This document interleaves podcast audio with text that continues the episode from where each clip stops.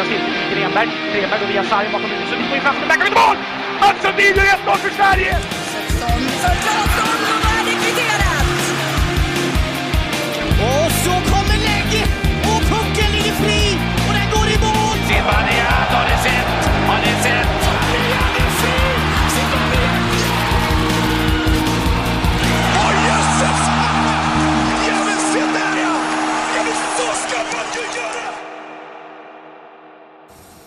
Vi säger välkomna till avsnitt 87 av podcasten Sarg ut. Och eh, efter nästan tre timmars SHL förra veckan så tänker jag att vi kör väl tre timmar Hockeyallsvenskan eller något den här veckan då. Marcus Berg. Ja, det blir en långkörare när man ska försöka få plats med allting i Ja, samma verkligen. avsnitt. Också galet att vi alltså, lyckades klämma in hela avsnittet i, i ett avsnitt. Jag, jag tänkte så här, det, det kommer aldrig gå att få plats Nej, med det här.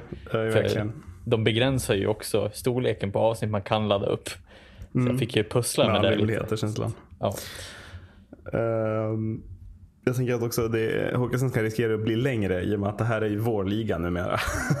Det, är ju, det har ju, det har ju blivit, varit några år och det, jag tycker ingenting i min tabell tyder på att det blir särskilt att det blir avancemang för varken Modo eller Mora tyvärr. Ja, jag håller med. Det, det, känns som att det också finns en hel del att diskutera också. Ja, men Och det är verkligen. väl lätt att vi flyger iväg i den. Men eh, jag tänker ändå att vi, vi behöver inte prata så mycket om SHL. SHL har ju startat, det är otroligt gött. Eh, jag, jag har bara två grejer jag vill ta upp. En av dem är från SHL-omgången. Men först tänker jag att eh, man kan ju spela fantasy SHL med oss. Tänker jag att vi adresserar att man kan gå med i vår liga här. Eh, och då är det ju fantasy.sl.se, dit hittar väl alla. Och sen är ligakoden 5, stort R, litet r, litet s, stort p, stort q, litet i och stort m. Denna information finns också på våra sociala medier och där är den korrekt ifall jag nu sa fel. Eh, Så gå med i vår liga. Jag och Macke har medvetet gett oss själva en, en omgångs försprång för det tror jag att vi behöver. Eller något. Ja, Det går väl om man, om man redan är, har lag så är det bara att gå med. Då kommer man väl in med aktuell poäng, det tror jag också. Ja. Men sen den andra grejen vi bara måste nämna innan den blir eh, inaktuell. Det är ju vad fan pågick i Skellefteå när Jimmy Erikssons tröja skulle hissas. Vad var det för någonting? Ja, Det var du som skickade det till mig. Jag, jag kände det när jag såg det. det här, vi måste prata om det här. Alltså det är väl det mest ovärdiga man skådat genom alla tider. Alltså det är liksom den största ikonen i klubbens historia. Jag, jag Som måste trodde- gå fram liksom och hänga upp en galge i en liten krok som sen åker upp i taket. Ja, det var, alltså jag, jag höll på att tappa det fullständigt när jag såg första. Ja. men så, här, för Simon slänger ju alltid ut de här videorna. Det det var inte, alla kanske inte var kollade på just den ceremonin. Jag vet inte om de sände från den ceremonin heller. Men. Simon i alla fall delade ut den här videon där han går fram med sin ja, Skellefteå-tröja i handen. Ja. Eh, kommer fram, hänger den på ett snöre. Alltså typ, ja men sånt båtsnöre som man har knutit själv. Typ. Och så framförallt i en galge. Herregud. ja, nu var väl det här första, första gången som Skellefteå hissade en, en spelares tröja i taket. Ja, men... Jag inte helt fel. Bara, jo, absolut. Men hur svårt är det att bara så här. Tjena Frölunda, hörni ni har ju hissat några tröjor genom åren. Hur gör man? alltså, alltså liksom, förstår du vad jag menar? Hur svårt är det att bara titta hur någon annan har gjort? För att, och liksom bara titta bara lite också. För, för det är ju liksom, det är, det är inte bara själva galgen och den här kroken som är det konstiga. Det är ju dels, han har ju ingen röd matta som han går på. Utan han, måste, han riskerar ju enormt att halka antar jag. För han går ju rakt på is. Sen är han ju rutinerad. Men det finns ju ändå liksom halkrisk. Eh, Men också att ingen annan liksom går fram och hänger upp det så att han får stå och titta när den hissas. Utan det är liksom han själv som gör det. Och sen hans familj, de får liksom inga så här, en fin soffa eller något har de inte gjort i ordning. Utan de har ju bara tagit ut liksom närmaste stolarna från korvtjorren rakt ut på is. Så, så röda fula plaststolar typ. Nej, jag, Den bästa detaljen, det kanske de flesta missar i den där. Men det är ju också när tröjan hissas. Det är ju inte en elhiss heller. Utan det är någon som står och drar den där hela snöret. Det, ja, det, det, det är så många aspekter i den där så att det blir... Och ja. det sista. Jag tycker mig också skymta en prislapp. Som att de har köpt replikan i, i supportershoppen en, timme innan matchstart. Men jag vet inte om jag ser fel. Det är någonting som hänger där. Ja, äh, vi, vi känns rätt. Vi måste ändå liksom total liksom, diss till det här. Alltså herregud vad dåligt. Och vad ovärdigt mot Jim Eriksson. Som är en av de största spelarna i ligans historia väl. Ja, framförallt en av de mest karaktärstarka eh, spelarna också. Det känns ju som att bör ha lite, jag vet inte vad han själv tyckte om det, om det var värdigt eller om det var liksom, Nej. han kanske inte ville ha mer än sådär. Han bara, "Hä, häng upp den på en galge så kan jag gå dit och hänga dit den själv. Men eh, ja, nej det kändes lite ovärdigt faktiskt. Jag hålla med. Ja. Och först ut eh, är AIK Hockey då. eh, Som väl har stått för en av de mer spektakulära värvningarna i Allsvenskan på många, många år. Mm. Eh, Jag vet inte om han är din MVP, han är min. Ska vi... Gå in på AIK som helhet först. Och sen, Ja, jo, men jag, jag vet inte. Jag, jag tänkte att vi skulle chockstarta och gå rakt in på MVPn. har vi chockstartat och gå in på, rakt på MVP? Jag vet inte om vi har samma MVP nu ändå. Nej, det kanske vi inte har. Du har jag har solklart Rickard Inge som jag Ja. tänker på. Ja. jag blev tveksam när du sa att det var den mest spektakulära värvningen. Jag vet inte riktigt om jag det kan väl? hänga med. Ja, jo, det, kanske. Jag vet inte riktigt. eh, om man, det är lite som att man jag vet inte, man plockar isär två bra byggdelar och värvar den ena som kanske inte riktigt är lika bra utan den andra. Då tänker jag Nej. framförallt på Robert Rosén. Eh, Jo, jo, absolut. Men Men ja, jag håller med. inte- Det, Alltså, potentiellt är det ju väldigt stor chans att han gör en del mål. jo, men och också Gynge måste väl göra det. Alltså, jag jag Mm. tänker att om inte Gynge är bra i AIK så finns det ju ingen chans, tror jag, att AIK lyfter särskilt högt. Det tror jag i och för sig ändå inte. Men Nej, jag känner inte alls att det här AIK det här AIK är väldigt beroende av att Rickard poäng- producerar väldigt mycket poäng. Och där var jag väl med dig också. Eh, jag, jag skrev ju som en kommentar till min, mitt val också att måste visa att han är bra utan Rosén. Och det känner jag väl också att kommer han hem till AIK och vill nå, någonstans bevisa sig också så, så är det väl nu han ska göra det. Eh, för det, det kan jag tycka kan vara skillnaden mellan att AIK kommer botten av tabellen eller alltså toppen. Det känns som. Även, även om han skulle vara bra så tror jag ändå att de faller kort mot, mot de absolut bästa lagen. Jo, men det, det tror jag också. Eh, men, men jag tror att de faller kort mot, mot kanske lite fler lag än många andra. Jag har tippat dem ganska långt ner i tabellen. Jag vet inte hur långt ner du har dem eller hur långt upp du har dem. Jo, det ska jag berätta för dig att eh, åtta är eh, placeringen i för mitt, eh, ja, min tippning av AIK. Och det är väl lite, jag tror att vi tänker lite samma sak här igen. Jag ser ju rakt igenom att det är ju lite av ett fuskbygge på det sättet.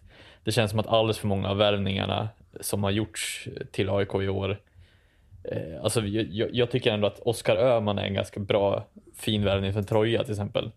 Men sen så är det ju otroligt många alltså, ihåliga värvningar. Jag kan räkna jag upp håller verkligen med dig. Jag ska se om du räknar upp exakt samma människor eller spelare jag tänker på nu. Men kör du. Du Mm. men hade jag ju en lista. Ja precis, Nej, men jag kan börja räkna upp med Adam Rockwood, vi har Sion Nybeck, vi har Daniel Musito Bagenda, Rickard Gynge och Jake McGrew. Alltså, eh, jag tycker att det känns, det kanske finns någon mer som du också tänker på, men Ja, William Eriksson adderar jag Ja. direkt. Men, men Mm. ja.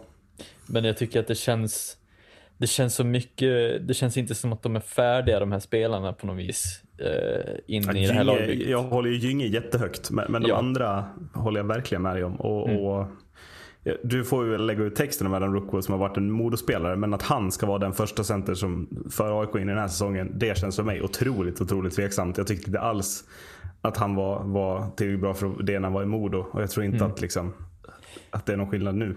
Nej men framförallt alltså så här, eh, när man kollar på spelare som har eh, alltså potential men ingen output, eh, om man, om man kan säga det så. Det hade ju Adam Rockwood. Han, fick, han hade sån otrolig potential att vara bra. Men det känns som att han aldrig riktigt fick utlopp för vad han kunde göra. Alltså det känns inte riktigt som att han eh, gjorde någonting framåt Nej. ändå, även om det känns som att han gör någonting framåt. Det, det, det är det som det Men är det inte lite mycket runt och runt och runt Mm. och runt då? Alltså är det inte lite men in i slottet Mm. Adam liksom? Tänker jag. Precis. Eh, Och det finns ju många, alltså så det är ju mycket som är den skillnaden mellan att vara på en viss nivå eller inte. Alltså du kan ju vara hur duktig skridskoåkare, passningsspelare, vad som helst. Så länge du, alltså så här, men så länge du inte får ut någonting av det. Så kommer du aldrig komma högre riktigt. Och det kändes lite så med Adam Rockwood att jag tyckte han hade en otrolig skridskoåkning. Men mer än så så kändes det inte som att han hade riktigt Nej. just då. Eh, sen kan det vara att han fick spela mycket lägre roll i Modo. Vad vet jag? Alltså att det kan vara, vara det som är skillnaden. Men jag tycker att det känns fortfarande oklart i att han, ska han leverera Gynge, då måste han vara på en nivå som, som kan liksom hjälpa Gynge att göra 30-40 mål den här säsongen. Och det vet det fan om man har det i Nej, nej, nej. Men, alltså, det, det är lite det jag känner också. Att, att Gynge har ju potential att göra 30 kassar. Liksom. Eh, Men alltså, det krävs ju att någon passar en målskytt. Menar, titta Johan Persson i Mora exempelvis. Han gör ju inte de målen utan att han har den typen av passningsspelare bredvid. Utan en bra skytt måste ju också få puckarna till sig i lägen där han kan skjuta. Inte i något liksom, jag menar, ingen gör ju mål i, i, om man får puckarna i fel lägen. Så enkelt är det ju. Utan när du är redo och vill ha pucken, då ska du också få den. Det är lite det det handlar om. Men eh, om vi går på genombrott då. Så vad tänker du? Ja, Alltså, där har jag ju faktiskt också satt Adam Rockwood. Alltså, För att det känns ju ändå som att, ja okej, kan Gynge göra mål på oavsett vad det är för passningar som han slår? Nej men att, eh, det- alltså han, han har också den här potentialen att nu har han chansen att verkligen visa, ja, men är jag tillräckligt bra för den här rollen? Då kanske han hade, hade behövt en högre roll i mode också för att bevisa det. Det vet man ju inte än, men jag tycker att det känns som att han har ju potential att göra genombrottet här. Då, men då måste han också göra det för att nu får han får inte en bättre chans i allsvenskan nu. Eh, att komma Nej, till inte AIK rollmässigt heller tror jag. Alltså, eh, absolut. och förhoppningsvis spela med en av de bästa målskyttarna eh, ja, men I Sverige. Sverige. Ja. Ja. Mm. Mer genombrottschans kommer han inte få i sin karriär. Kan nog nästan Nej, alltså i alla fall inte i svensk hockey. Alltså så, om man ser. Det, det finns ju meriter. Men, Mm. men eh, ja, eh, jag tror genombrottet kommer på backsidan. Jag tror att Albert Lyckåsen kommer göra sjukt mycket poäng för att vara back den här säsongen. Och jag, jag ser Albert Lyckåsen bli topp 5 i AIKs interna poängliga. För jag tycker att eh, bortsett från Gynge och eventuellt Rockwood så ser det ganska slätstruket ut med spelare som jag inte ser kliver upp mot 35-40 utan snarare stannar kring 20-25 poäng på den här forwardsidan. Eh, Och på backsidan, Dalert skadefri gör ju massa poäng men det ser väl tveksamt ut. Och då är det nog Ja. Albert Lyckåsen som får den där först, alltså platsen i första PP tror jag. Ja, alltså Dalert är ju än vad, vad det är på listan så är han ju fortfarande sviter av hjärnskakning. Att, Ja, men precis. Han, står, han spelar ju inte premiären exempelvis. Nej. Eh, nej, men sen håller jag med dig också med att här, man tappar ju, man tappar ju typ alla poäng man gjorde förra säsongen i Max Lindholm i princip. Eh, känns det lite Ja. som. Och, och den spelaren ersätter man ju med Rickard Gynge rakt av i så fall. Eh, ska det Mm. vara. Så att, eh, men det, det är som du säger, det känns inte som att någon Man har... tappar också Fredrik Weigel, lägger jag till. Ja. Jag tycker ändå att det tappet är ganska tungt. Mm. Eh, och Weigel och, och Lindholm. Och jag tycker Lindholm, det, det, var nästan MVP-status på honom förra Mm. säsongen. Alltså så viktig var han för AIK. Ja. Och alltså, ja, nej, ja, men... Eh, mm.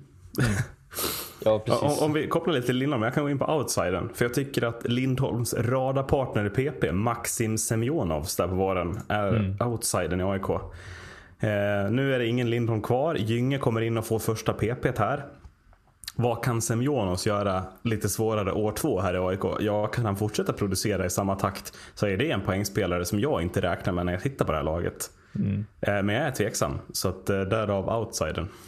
Ja, nej, jag, jag håller med dig också. Det, det är intressant spelare ändå, Semjonovs. Men Mm. min outsider blir ju ändå Jake McGrew. Jag går väl in på mitt, eh, min inslagna väg. Jag köper det i AIK. Jag kommer att vara på dig under, under den här avsnittet är känslan. Jag tror inte jag är lika mer överens med dig idag. Men, Nej, men här jag- köper jag absolut. För att det är ingen första kedjespelare i McGrew på något sätt. Det är Nej. att se en in och allt. Men eh, det känns ändå som någonstans lär de ju ha hittat någonting som de, de vill komplettera det här laget med. Och, eh, men sen tycker jag väl också att det är värt att nämna är ju också invärvning av Claes André som ändå verkar också ganska bra. Eh, om man utgår från förra säsongen. Men du kanske inte håller med mig alls. Ja, den målvaktssidan, alltså den är ju bättre. Den är absolut bra. Men jag... Endre, jag tror att det finns en anledning till att han inte fick förlängt i Björklöven. Eh, det kan vi komma till senare. Men att det, jag ser inte riktigt någon av AIKs målvakter kliva upp mot 91-92 här riktigt. Sen är det Nej. inte jättemånga målvakter i Allsvenskan som gör det överhuvudtaget. Men Eh, Niklas Lundström är ju den andra, andra spaden. Att se vem som helst blir första keeper här. Eller om de delar på det helt. Det tycker jag är svårt att... Ja precis, det är alltid balansgång mellan att ha två alltså, lika bra. Ja. Vi såg ju Frölunda göra det till exempel. Som vet inte riktigt om det lirade så jävla bra. Eh, Det är var lite upp och ner där kan jag tycka. Alltså, det, det funkar ju ibland och ibland känner man att målvakten är så otroligt viktig för ett lag. Mm. Eh, ja. Mm. Eh, tabellplacering kvar va? Nej, 10.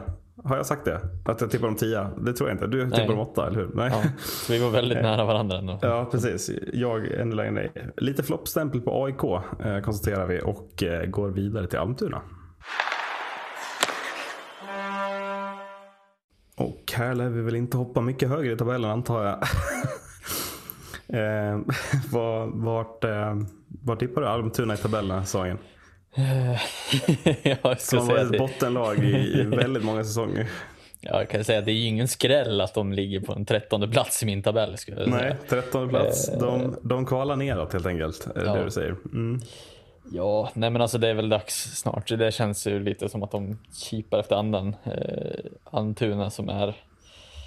Eh, man vet aldrig när, var och hur och varför de, de agerar, men det känns lite som att eh, Almtuna borde väl eh, i och med årets allsvenska vara ännu mer utsatta i år än, än vad de har varit tidigare år och jag tror väl ändå att det, kan vara, det kommer vara svårare tror jag för dem att, att sno poäng av topplagen i år jämfört med vad det varit tidigare.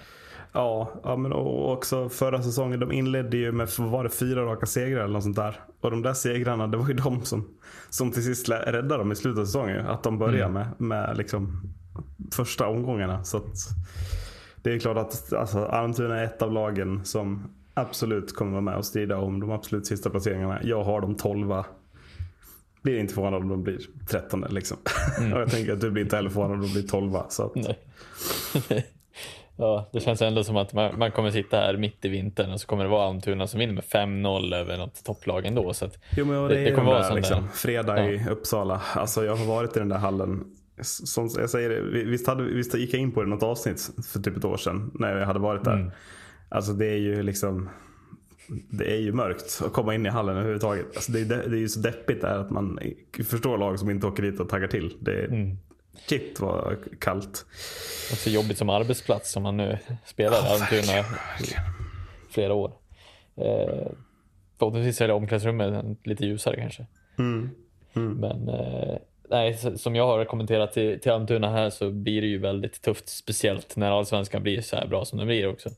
Eh, Ja men verkligen. verkligen. de har liksom inte bredden alls för att kunna matcha topp top 12 enligt min liksom. Men, Topp 12 också. Topp- ja, Du tycker, inte, att- 12. du tycker inte att lag 12, d- d- inte, ens de matchar Almtuna? utan-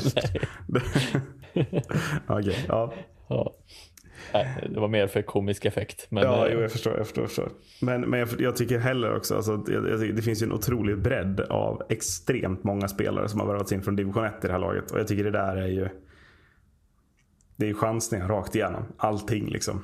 Och det kan väl inte gå helt. Eller kan det? Det kanske det kan. Det tycker det känns svårt. ja, det ska mycket till, men det känns ju ändå som att de har några ljuspunkter som de måste förlita sig på. Eh, som ska vara otroligt, otroligt bra. Men eh, det känns ju om, om vi går in på, på MVP-platsen att ska Hetchberg och, och eventuellt Hampus Harlestam göra 60 pinnar var, det, det är ju typ då som Almtuna kommer att bli liksom, ja kanske kliva över topp 10. Precis. Eh, har du någon slags delad MVP eller vad sa du? Ja, alltså jag, jag är väl lite så delad i Hertzberg, ja, givetvis, men jag tror väl ändå att Hampus Harlestam vann väl interna förra Ja, det säsongen han, ja. och eh, det är väl någonstans någon form av delat ansvar där. som Ja, som eh, Hertzberg vet man ju ändå är riktigt bra. Mm. Tyvärr spelar i Almtuna. Det känns lite så. Tycker att det hade varit en klockren värvning från Jag, något jag lag. tycker nästan det är ännu mer synd att Harlestam spelar i Almtuna. Alltså om Ja, man ser jo. Hersberg är ändå lite till åren nu. Harlestam är, ja, Ha- Harlestam är också lite till åren. Jag ska inte vara sån. Mm. Men, men att Harlestam, det känns ändå som att det finns mer höjd kvar där på något sätt. Kanske. Ja, ja, jo givetvis. Ja, eh, jag tänker att en, eh, ett sätt för Almtuna att komma eh, liksom, på betryggande plats det är om de spelarna gör mycket poäng. Ett annat scenario är ju att Viktor Andrén, som jag har som MVP, fullständigt spikar igen där bak och räddar massa poäng till det här laget. Men jag tror att man får välja lite, som du säger, antingen mellan någon som ska göra poäng eller någon som ska hindra motståndarna från att göra mål. Mm. Och jag tycker den här backsidan, där hittar jag ingen MVP, det kan jag känna. Så att Andrén har ju ändå meriterna för att vara en toppmålvakt i den här ligan. Om man ser. Så varför inte? Ja, nej, jag håller med. Jag hade också Viktor Andrén som någon form av reserv, men jag vet ju att du, du generellt inte gillar att höja upp målvakter till skyarna. Så då Nej, jag, brukar, att, jag, brukar, eh, jag brukar på- en eller två som MVP. Eh, Men jag tycker att det här är den enda jag har i Allsvenskan som är eh, MVP. Och det är för att jag lite också så här. Visst Harlestam vann interna i Almtuna förra året men det var ju liksom inte, han gjorde inte ens 40 poäng. Det är ju inte... Alltså, det, nästan alla interna poängligasegrar, vinnare gjorde ju 40 poäng. Det var ju bara Almtuna och, och vad heter det? Eh, Södertälje var det väl ingen som gjorde 30 ens. eh, men, där att alltså, till, och med, till och med Joakim Hilding i Troja gjorde 40. Så att Ja. jag tycker att är man första center i ett sånt bottenlag och spelar powerplay och allting, då ska man fan nå, nå 40. Det är lite det är ett krav jag har i Ja. Allsvenskan som ändå är en ganska li, svag liga defensivt ju. Ja, precis. Ja, Eh, Men däremot, jag tycker ett av de absolut mest intressanta genombrotten spelar i det här laget, sjukt nog. Eh, Men Oskar Asplund, född 03, såg ju faktiskt bra ut redan förra året i den här ligan. Och ska väl potentiellt kunna styra andra PP och lite, lite sånt i år också. Tycker han känns ruskigt intressant. Skulle kunna växa till första kedja, första backpar här tillsammans med Marcus Karlström kanske. ja nej, håller jag också med om. Alltså, de har ju några spännande eh, spelare som ändå kommer från, alltså lite underifrån, eh, ungdomar som de skulle kunna förlita sig på, kanske växer in i kostymen också. Eh, och jag, jag kan väl också fylla på med ett till ungt lovande namn som är min, eh, mitt form av genombrottsspelare. Det är väl Mikael Öby Olsen. Eh, som kommer från, fick en del SHL-matcher förra året till exempel. Eh, kan väl, Eller lån eller? Värvar de honom? när de värvade honom. Eh, De värvade honom ja. Vad jag vet. Ja, ja men det gjorde de. Jag vill att Så kolla. att, eh, ja, nej, så att där, där tycker jag ändå är en ganska stark liksom, eh, potential i. Mm. Men 35 matcher i Oskarshamn ändå, det är ju inte fy skam kan man tycka Nej, i nej, nej, deras säsong. absolut, absolut. Eh, och jag menar med Almtuna mått så borde väl det kunna generera ut i några poäng i alla fall framåt kanske. Ja. Förhoppningsvis kan de Eh. hoppas på en skräll. Att han är riktigt, riktigt bra.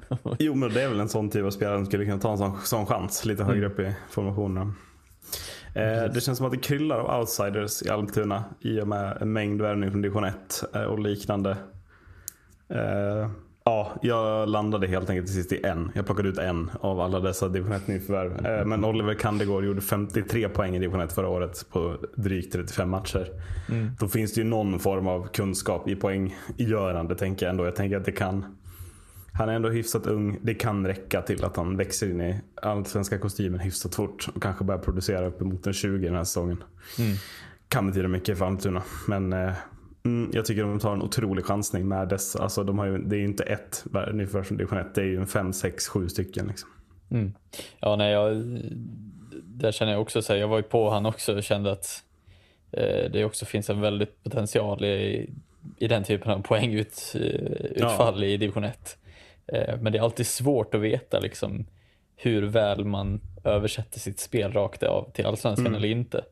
Det tycker jag finns många exempel där det bara har gått spikrakt från division 1 och i vissa fall där det inte alls har mynnat ut i någonting bättre. Nej, nej men visst. Eh, Så att det är alltid så svårt att veta liksom. Det beror nog helt på vad det är för typ av spelare och hur väl man passar in i lagbygget också. Men Mm. eh, ja, man, ska, man kan ju inte bortse från 50 poäng i division 1 heller. Det är ju Nej, men så fortfarande så en bra liga. Eh, Man förstår ju värvningen någonstans. Att Ja, precis. ja, men den här snubben ganska billig lön. Mariestad var ändå ett bra lag i, i division 1. Så att, Ja, givetvis. Jag vet inte, jag, alltså min outsider har ju eh, kanske är lite märklig, men den är ju lite så här. Eh, jag tycker att han har, han har nämnts lite för lite i det här laget. Man, tycker, man, man tänker på Viktor Hertzberg eller på eh, Hampus Harlestam, men jag tänker på Georg, Georgs Golovkovs som ändå gjorde 30 pinnar förra säsongen.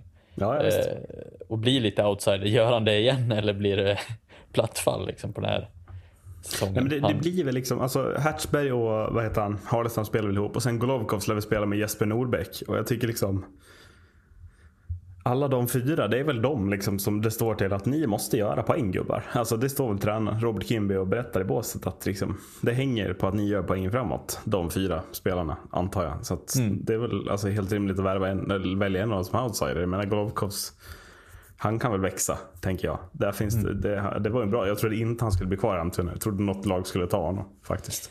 Ja, precis. Det känns ju som en sån plocka de som är bra värvning liksom i, i bottenlagen.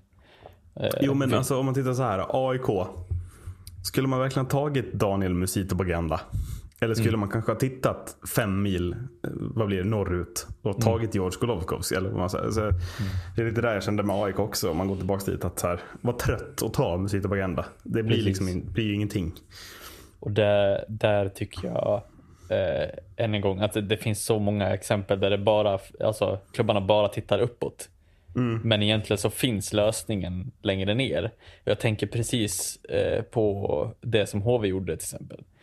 Där man tittar neråt och bara säger okej, vilka spelare är det som är bra här nere? Miles Ja. Powell, Tyler Wessel. Alltså man har, de spelarna blir ju, går ju in i ett topplag och blir hur bra som helst. Måns Lindbäck Alltså, tredje exempel. Om vi ska ja. fylla på. Ja. Men jag, förstår, jag, jag håller verkligen med. Mm. Och det känns som att i i Almtuna, det krävs inte jättemycket pengar för att locka med bättre lön. Och just AIK mot Almtuna också, det är en så kort flytt. Djurgården och Södertälje har ju samma chans. Men Mm. ja, han blev kvar. Jag gillar också eh, han eh, 17-åringen Maj Srnkish. Ja, Srn- precis. Utan vokaler. I, det blir lätt att uttala. Ett i efternamnet liksom. Ja, precis. Ja. Det är som fruk Ma- i... Just det, maj är nästan roligare. Ja. liksom fler vokaler i förnamnet på ett tresta- trebokstavigt namn än Mm. efternamnet på sex bokstäver. Ja men det är som han Förk i FRK. Ja, precis. Ja, verkligen. Ja, precis. Men det är i bara tre bokstäver. Ja, jag vet. Det är också Mm. en, en rolig. Eh, BIK Karlskoga är, eh, kommer in i en säsong, ska vi direkt adressera, utan Henrik Björklund och utan Mikael Dagen Eriksson. Eh, då känns det väl direkt som ett annat Karlskoga, känner jag i alla fall. Det var väl det man trodde förra säsongen också när de inte... När de tappade... Vad var de tappade? Nu är Många du ju på tappade. hal is. Nu- nu Jävlar tappar-. Nu tappade jag det helt. Vilka tappade BIK Karlskoga tappade? för- förra säsongen? Det var ingen de tappade. Nej, jo, nej men det, det känns alltid som att Vika Skoga har eh, någon form av förmåga att alltid komma ihop oavsett vad de tappar för to- form av toppspelare. Ja. Eh, Men kulturbärare då? ja, det är ju en annan femma. Nu har de ju varit Hur utan. många säsonger försvinner med Björklund och Eriksson? Alltså vi pratar väl Ja, det är ju ett x antal. 20? Alltså liksom, ja.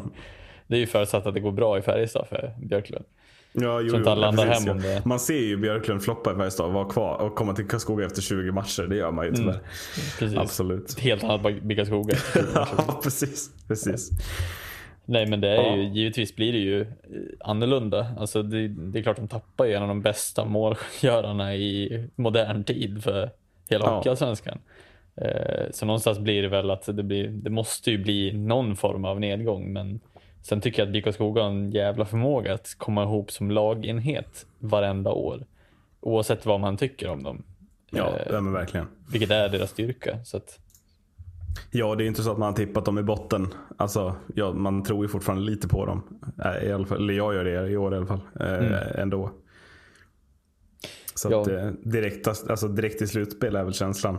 Oavsett tapp egentligen. Alltså det ska väl till ett gäng tapp för att det ska kännas inaktuellt med topp 6 för det här laget. Så starka har de ju ändå etablerat sig i den här ligan tycker jag. Ja.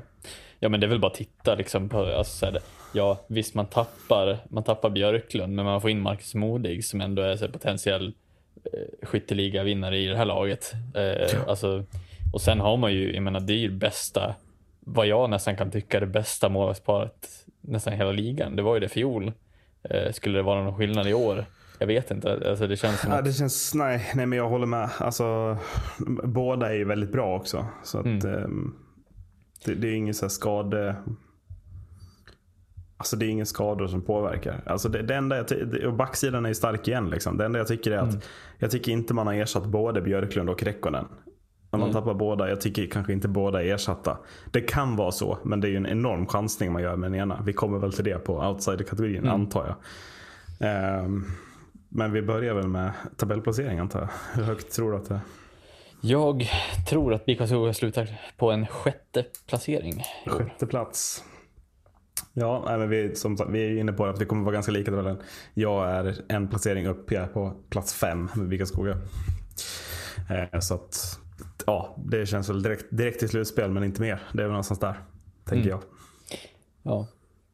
Eh, sen får man ju komma ihåg, vad heter det, det, det, det som man kän, känns som man kommer ihåg från förra säsongen också, BK Skoga var så jäkla svår att komma in i zon på. Ja, ja, men, eh, och det känns som det var för alla lag. De släppte ju också typ minst mål nästan i, i ligan. mm, nej, men Men, det, eh, ja. det, alltså jag håller med. Jag håller med.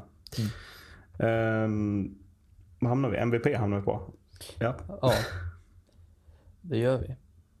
Och min MVP blir ju han som jag nämnde tidigare. Det blir ju Marcus Modig som måste, eh, tycker jag, vara eh, väldigt bra. Sen hade jag väl kanske någon till som var, eh, var potentiell, men eh, jag tycker ju att har man gjort den här värvningen då är det ju definitivt för att han ska vara någon form av ersättare för Henrik Björklund. Och Eh, tycker väl att han ska visa sig vara lika bra som han var för Modo förra säsongen.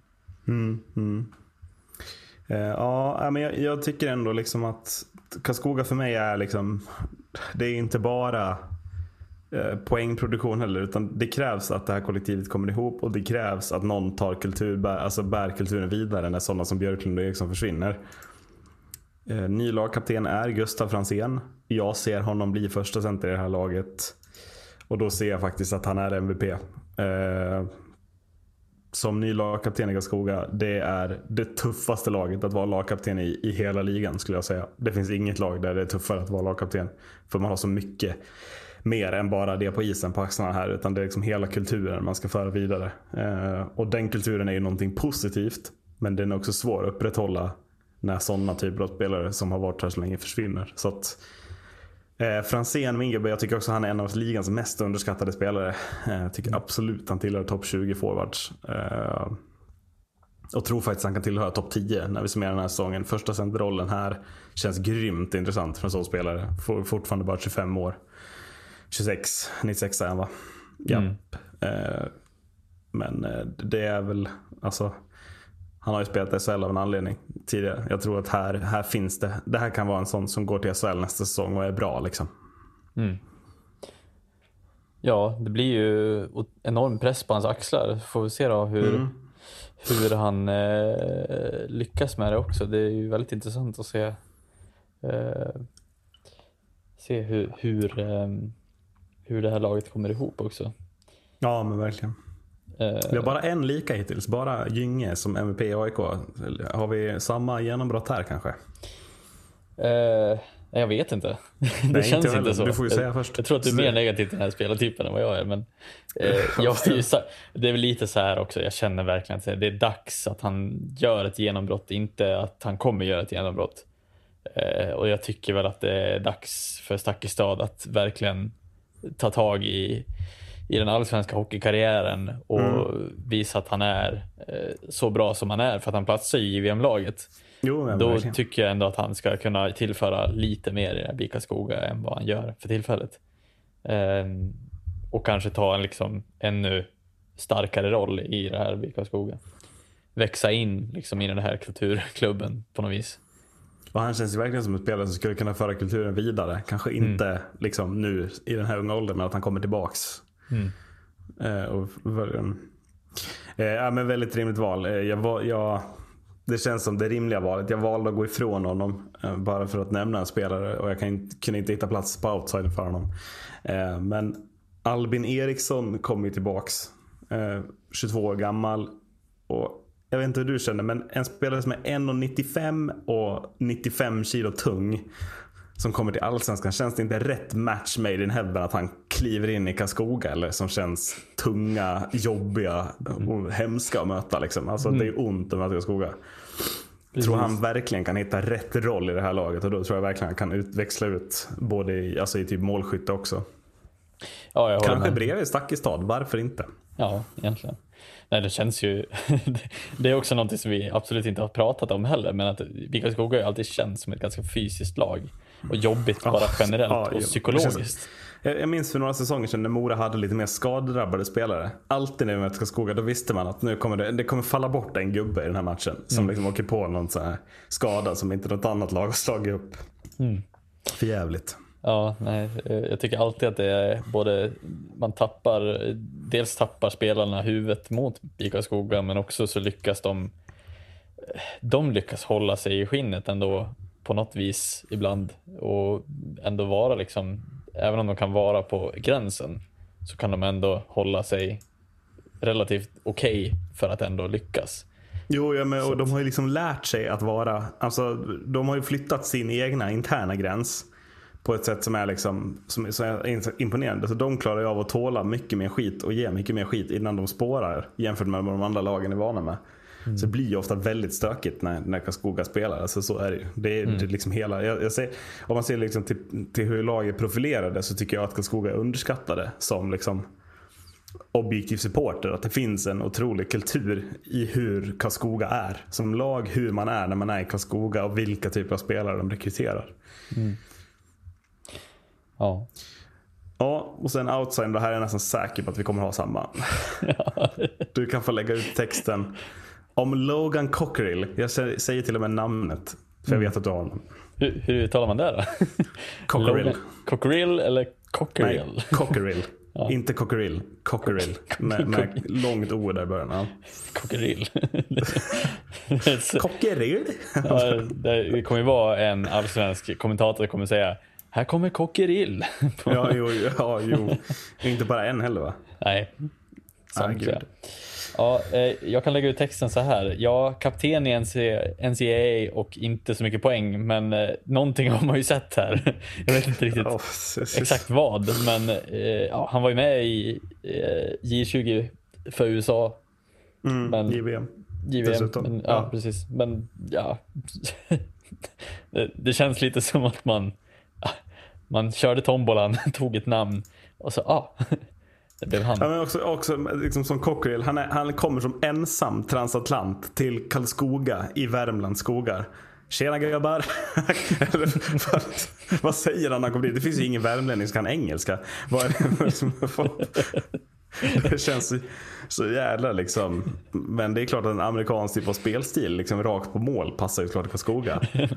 Men att Co- Cockerill är den som ska bara rakt av gå in och ersätta Alexi Rekkonen. Ja, tillåt mig tvivla. Men det är klart att den här spelaren vill man ju att det ska gå bra för. Känner man ju omgående. Ja, ja, det är ju en otrolig karaktär om det skulle vara så. Det känns som. Men och, och, alltså, vilken otrolig sågning av värmlänningar. Engelska. Men, men ja, förlåt, jag, du- någonstans har man ju den. Du liksom. kände, ju inte, du kände ju inte att det var helt fel när jag sa det. Nej, jag, jag kan ju också tänka mig att de flesta är liksom hello. Så att, nej men eh, det, det, känns ju verkligen som att det är lite av en chansning. Han är i 23-årsåldern, det är som en, Mm. eh, ja, han kan ju växa in i allsvenskan, det vet man ju inte, men Nej. eh, vad jag hoppas rakt att han... från collegehockeyn också. Alltså så här, det, Mm. Liten rink och collegehockey, alltså det är det han kommer från. Rakt in i Hockeysvenskan. Det, det är liksom ingen... Alltså, om han klarar av det bra, Cockerill, då blir jag imponerad. För då är han jävligt bra förberedd. För att det är inte någon lätt förberedelse han har inför liksom, den här tiden. Utan han har ju fått lov att lägga ett jävla jobb. Ja, men precis. Men också eh, går väl att tillägga är ju att det här känns ju som en spelare som ska tillföra fart på något vis. Det är inte en spelare som, som kommer in med tyngd. Alltså det är en, han är ju 1,76 eh, väger 80 kilo och ska liksom så här, Nej, verkligen, verkligen. Han blir ju en av de mindre spelarna i hela laget. Och jag gissar väl på att den här killen är ganska duktig, eh, snabb och duktig liksom så. Eh, jag kan inte tänka mig någonting han ska, annat. han, ska inte spe, han ska väl inte spela liksom med alltså, Franzén och Modig ska väl utgöra första linan liksom, tillsammans med Mm. någon annan än Logan Cockerill. Utan Cockerill kommer väl sen kanske tillsammans med sån som Kalle Jelvert som är bra på att ge plats åt, åt sina medspelare. Alltså det är väl sån spelare han ska spela med så att han får utnyttja farten. Mm. Eh, på något sätt, tänker jag. Ja, nej, jag håller med.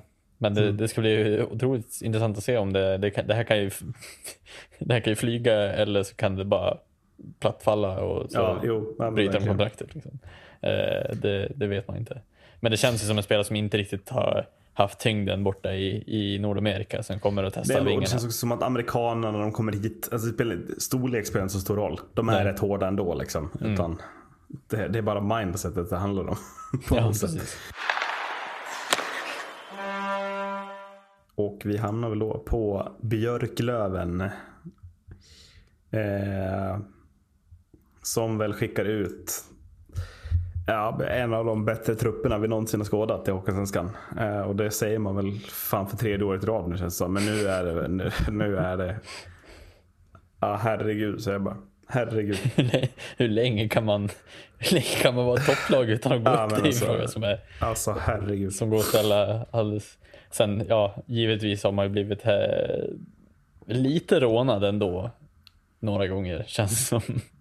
Alltså nu, nu tänker jag mot... Ja, Ja, alltså, så Säg vad, du, säg vad du vill om Modo den där säsongen när det blev pandemi. Men jag är faktiskt ganska säker på att det var Björklöven som hade gått upp. Och inte Modo. Ja, nej men alltså jag, jag kan inte säga emot det heller för det har inte Nej, hänt. nej. det- nej men eh, det, det känns lite som att samtidigt mot Timrå också, man hade inte de bästa förutsättningarna till att möta Timrå. Heller. Nej, verkligen Eh, inte. Och det kändes som att allting bara har gått liksom käpprätt, eller käpprätt, allting har gått mot Björklöven så fort de har liksom haft chansen. Och nu när man verkligen hade chansen förra året, ja då möter man ett, tvärdopat HV istället. Ja. Som, som hade dubbla hyran för deras trupp. Liksom. Ja, och, och jag menar, alltså den matchen mot HV där, sista matchen. Man är en förlängning från att ta Mm. det till sju. Alltså man är en förlängning. Och, och i den sista perioden. Alltså HV var ju bättre fram till den. Men i den sista perioden. Alltså Björklöven fullständigt krossar HV i 20 Mm. minuter. Hämtar in 2-0 till 2-2. Och de har, det är ju Björklöven som har alla chanser att göra 3-2 innan Fredrik Forsberg kliver fram. Det är ju Mm. så enkelt.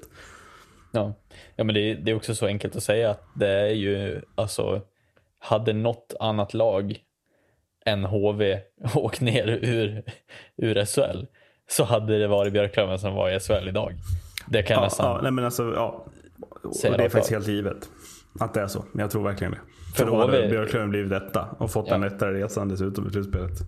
För även HV liksom idag har ju typ en av de bättre ekonomierna. Alltså man kliver upp i, i SHL igen och är liksom, ja, ganska okej ekonomiskt. Det är väl det som är liksom, Ja, att, ja. Men, Ja, eh, eh, ja. Ska vi komma till kritan då? Mm. Vad, vad blir Björklöven? Eh, I min tabell slutar de etta. Eh, I min också. Ja. Jag ser inte att, det här, eh, att det här laget kommer någon annanstans än en etta. Och, Nej, och framförallt inte den här backsidan. Jag vill stanna där. Men det här måste ju vara den bästa backsidan som någonsin har äntrat en Hockeyallsvenskan-säsong. När Adam Plant är typ åttonde back. eh, Eller något. Alltså helt ärligt. Det, det, är som kvalitet på den här backsidan. Den hade utan problem stått sig i SHL. Mm. Alltså utan problem. Ja, vi satt ju här i förra säsongen och tänkte att vi kommer aldrig få se en bättre backsida än HVs. Men det känns Ja, lite det tog som en att... säsong, sen fick vi se det. ja. Så, ja, vi försöker käka upp det på en gång. Men eh, Ja. ja, det, det, det är ju... Men det, det som också, det, det som jag tycker talar absolut mest för, för Björklöven också, förutom den, den otroligt bra backsidan, det är ju att man får behålla så stora delar och viktiga delar av laget ändå. Eh, alltså, det här, det här Björklöven som i princip har tampats om en SHL-plats i typ tre fyra års tid. Alltså de har erfarenhet av att vara i final på final på final liksom. Och plus att de har en annan tränare som har lite mer potential känner jag att gå upp. Sjukt nog säger man ju det. Nej, men jag, jag håller med. Men sjukt, alltså, sjukt, sjukt nog är det väl. Som Mm. man känner att med Stråle känns det ännu större chans än vad det gjorde med Hans Wallson. Och det trodde jag inte jag skulle säga när Wallson blev klar. Men Mm. Det känns som att stämmer. Stråle är en sån typ som kan gå det extra steget för att ta klivet. Alltså, det kände jag väl bara på, på sättet han svarade i intervjuer. Han var liksom, det kändes som en, en jobbig tränare att möta rakt av. Oavsett om du pratade med honom bara i spelargången eller bara, han hade bara bestämt sig. Sen var det väl HV som drog sista strået ändå, men det kändes ändå som att Björklöven hade redan hunnit krypa in innanför kava- kavajen på... Och frågan håller är om inte Björklöven kände lite också att nästa år. Alltså att Mm. de kände det redan när- när de insåg att vi ska möta HV i sju matcher. Nästa år då jävlar. Kände man redan då. Jag funderar lite på det. Mm. Att så här, oavsett vad som kommer ner, man ser att det är Timrå och Djurgården som möts. Vad som kommer ner, det kommer inte bli lika bra som det här. Och då ska vi stå där. Fan är mig redo för att sluta jävla lag. Alltså oavsett vilka vi möter. Är jag inne på. Mm. Ja, nej, och jag menar, det, Per Kentes sätter ju ett statement också tidigt, eh, tycker jag, där, där han verkligen går in och langar in tre eh, tok starka värvningar också. Ja, och, support, och supporterna sätter ju statement också att så här, nu jävlar gäller det. Här får ni en mille till att jobba med. Liksom. Alltså, Så att hela föreningen mår ju väldigt bra. Alltså, över, över alla led tycker jag. Nej, jag tycker bara de här Scott Pooley, Nick Schilke och eh, Maxim Fortier. Maxim Fortier, eh, bara det, är som att det är kryddan till den här perfekta eh, soppan som eh, Per Kente Mm. har rört ihop över fyra års tid. Eh, och med Stråle också i, i täten känns det ju också, nej jag, vet inte vad mer man ska säga. Nej, Finns det en svaghet? jag, tror, jag, tror, jag tror att alla lyssnare undrar Marcus, är någon av de tre din MVP? Det tror jag alla undrar nu. Oj, oj, oj. Det är de faktiskt. Ja, det är Nej, så. men min MVP är ju Scott Pooley. Scott alltså, Pooley, ja. Det blir Scott Pooley som jag tycker ska... Eh, visst, jag tog ingen som är någon form av kulturbärare. Eh, Nej, men det, det, är inte samma, det är inte samma vikt här heller. Det, det är det inte. Men jag tycker att Scott Pooley ska vara den spetsen som tar Björklöven tillbaka till SHL. Eh, och det är väl det jag Mm. Vill, tror vill du höra vad jag tycker är årets maktstatement om man tittar där? Det är ju att Björklöven skickar Olle Liss till det laget som är största utmanaren. Mm. Och så säger man nej, det här är för dåligt. Vi tar in en ännu bättre.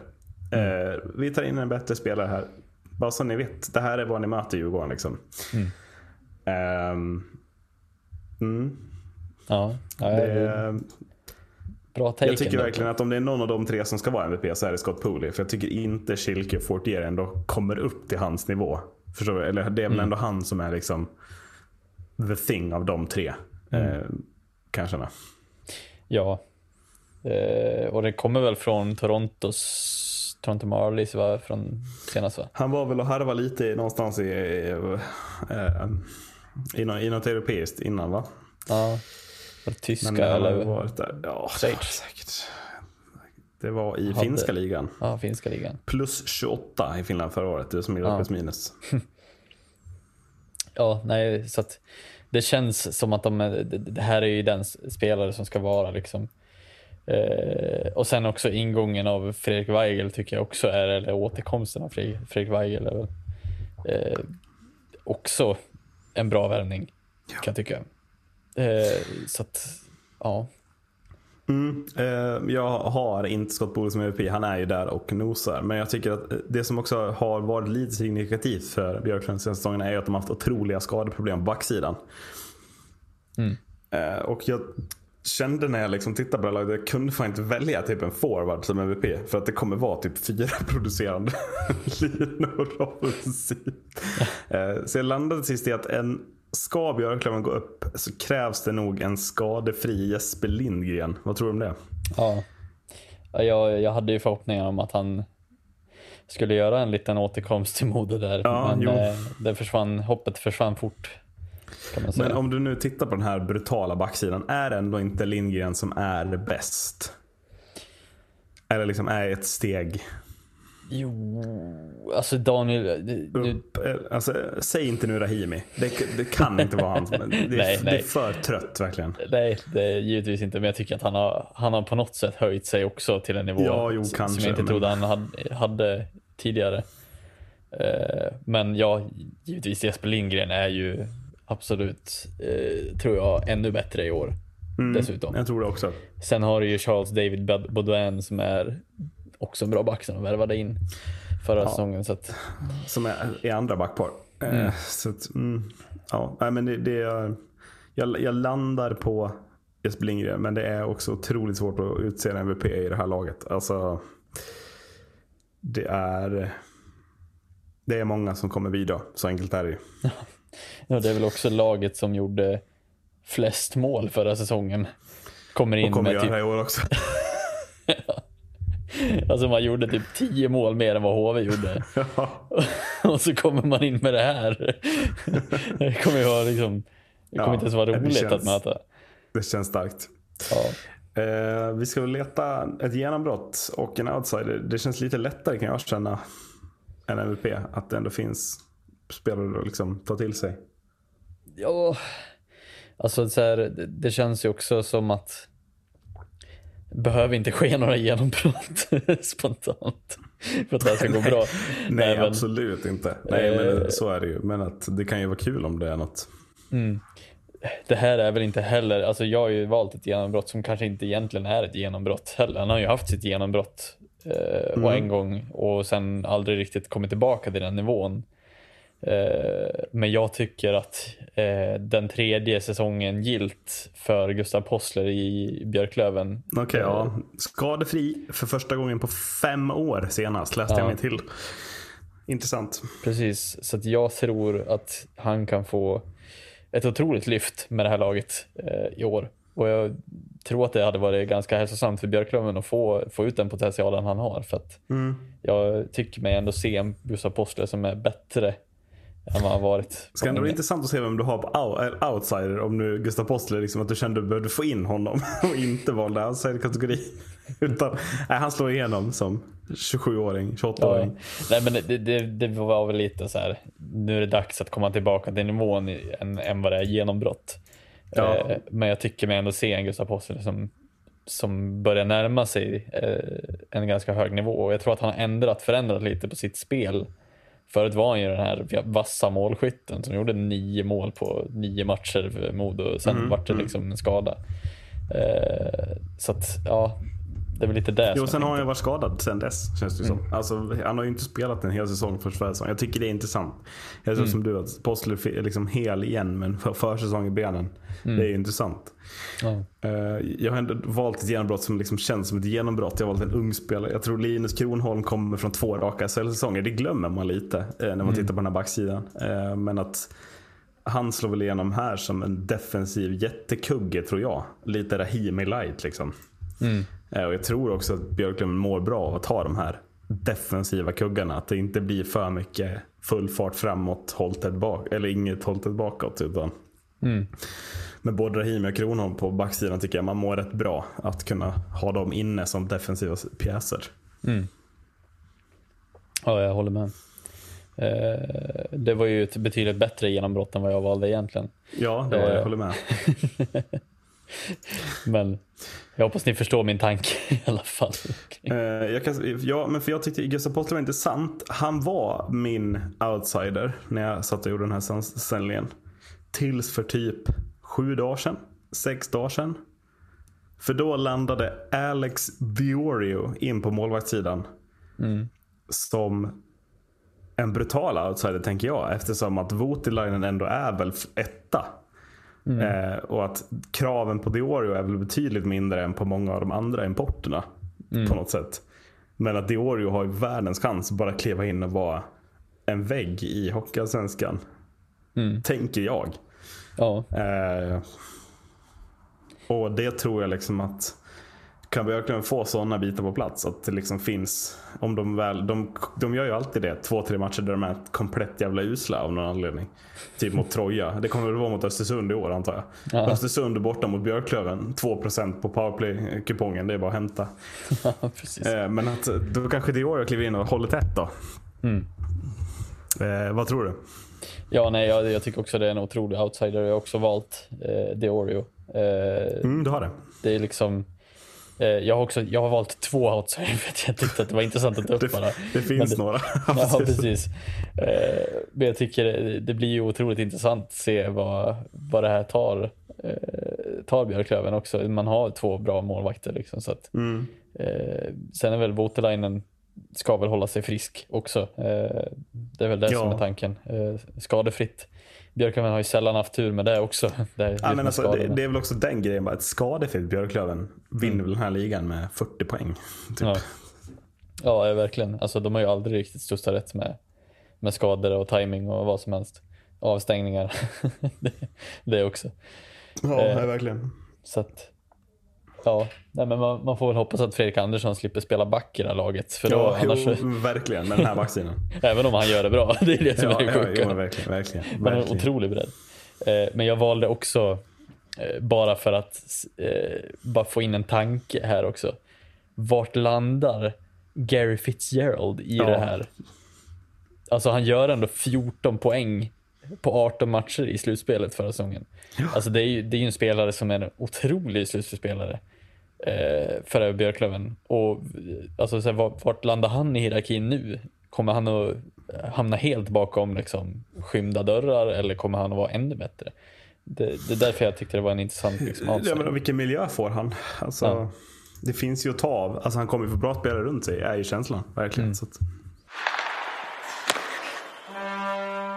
Vi går till... Eh, vi, jag, vi kastar oss in i det. Jag ser det som den största utmanaren till Björklöven. Jag tippar de tvåa. Djurgårdens IF. Det är lite synd att han inte är här Eldebäck. Det hade varit kul. Ja, eh, det hade det varit. Men han får, han, han får kasta in sina tankar sen. någon gång. Ja, det är också skönt att slippa övertyga honom om att det här laget inte vinner ligan. ja, precis. Starka burop i bakgrunden. Ja, liksom. för verkligen. Ja. Eh, ja, nej, men jag, jag, vi är helt överens på den punkten också. Eh, jag har också en tvåa på Djurgården. Jag vet inte Mm. riktigt varför jag hade skrivit en sjua i mina anteckningar, men jag har tippat om tvåa. Jag, Så jag tänker att sjua, det var väl innan de landade de här tråkiga värvningarna på backsidan. När backsidan såg ut som Troja Ljungbys förra året. Liksom. de var nog typ sämre. Det, Ja. nej, men det, det, det kändes ju, som du sa, det, det finns ju ingenting annat än att Djurgården eh, kommer att komma topp tre, åtminstone. Så att, Mm. eh, nej, jag tycker verkligen, även innan de gjorde de här backvärvningarna eh, så hade de ju på tok för stark offensiv för att man inte ska tippa dem högre. Liksom. Ja, jo, men backsidan såg ju då ut också. Alltså den såg ju så dålig ut. Alltså, det, det var, jag hade dem, alltså innan, innan de här backvärvningarna, de senaste två av Schilling och Elliot, så hade jag dem genuint femma i tabellen. För jag tyckte backsidan såg så svag ut. Eh, Men att när man förstärker den, alltså det krävdes så lite för att göra det här laget så komplett som det nu är. Och jag tycker faktiskt det är helt sjukt när jag tittar på det här laget att man inte tittar, tippar detta. Att Allsvenskan är så bra i år att det här laget inte är liksom till bra för att jag ska hålla dem som det bästa laget. Det känns så kul för Hockeyallsvenskan verkligen. Känner Ja. jag. Ja, ja, och det känns ju kul generellt att det är så pass jämnt att kommer, kan, alltså så här, får Djurgården några skador, eh, några oturs liksom studsar mitt under säsongen, ja då är det ju helt öppet. Det är ju inte som HV som har en hel femma till som, som kan kastas in liksom. Nej, Eh, det känns lite mer dödligt ändå, om man får säga det. Men, Och det eh, känns också ganska kul, eller skönt på något sätt. Att det ändå inte är givet från start. Alltså det är givet att de kommer med där uppe men det är inte givet att de är överlägset vinnare. Liksom. Nej. Och det är förutsatt vad det, det beror helt på vad det kommer för två värvningar till. eh, Så är det så är vad det. vi räknar till. Men eh, eh, ja, nej, det känns ju verkligen som att Stefan Elliott och Cameron Schilling satte lite statement över att okej, vi hade en svag backsida, nu behöver vi stärka Mm. upp det. Ytterell fyller väl ut eh, tomrummet mellan det. Eh, Ja, och Arnesson fanns ju redan där. Alltså Ja. någonstans, nu är det, det är Elliot Schilling, det är Ytterell, Arnesson. Jag menar det är ju två backpar som, Mm. som absolut håller jättebra allsvensk kvalitet. Det är ju inte svårare än så. Precis. Vi går på MVP. Vänta nu. För jag måste på toa. Ja, Men då kan du bara klippa där när jag säger vi går på MVP och sen börjar du bara när jag kommer tillbaka. ja jag kan, jag kan göra en sån här. precis.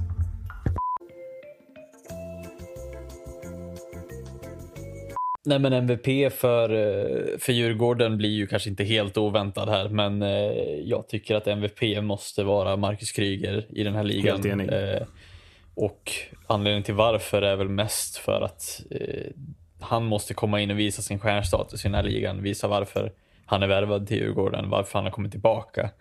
Eh, jag känner lite som med eh, ja, man får lite så här Önerud-stämpel i HV på något vis, även om han inte har varit i Djurgården tidigare så mycket, eh, eller Ja, på men så lång tid. Men det är lite kulturbärare utan att vara den kulturbäraren. Jo men verkligen. Och just också han har fått set på bröstet. Alltså, Mm. Han, det är lite som att Djurgården berättar liksom att ja, men du är ytterst ansvarig Marcus för det här Mm. återtåget. Att, och, och jag tror att det är det någon som verkligen gillar en sån roll som mår bra. Jag tror verkligen att Kryger. Alltså bara han kommer in med rätt koncentration och, och rätt taggning på att spela Hockeyallsvenskan så kommer han att vara den som drar det här, alltså loket i Djurgårdståget.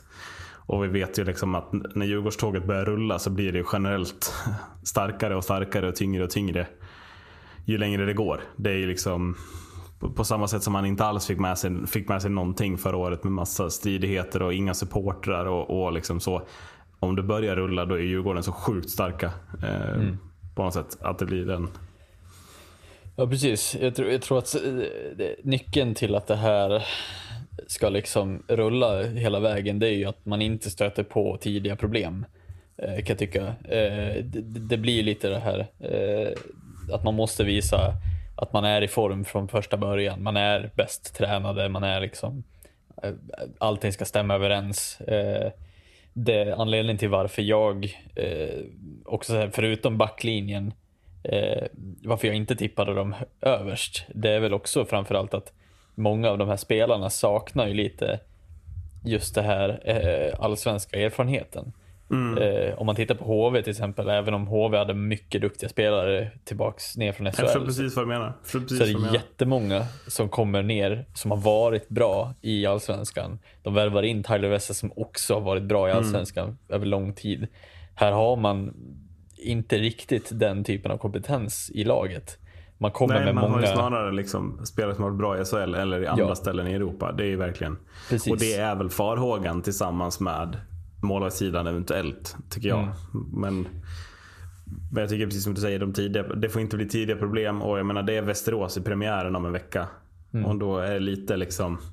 Då är det bara, det är bara, det är bara att gå ut på den isen och sätta ett statement. Alltså typ krossa Västerås. Mm. Då är det ju liksom direkt, ja men här är vi och vi är redo. Det, sen är det bara att, liksom, alltså det är det Djurgården behöver göra. Mm. För att bli torsk i premiären, då börjar det direkt. Liksom, alla minnen från förra året. Mm. Och etc. Ja, nej, och jag tycker verkligen att det är... Eh, det känns verkligen som att de måste sätta sig in på och be- och bestämma sig tidigt. Nu kanske det kommer att komma in några eh, värvningar till. Vad, vad jag räknar till kanske två.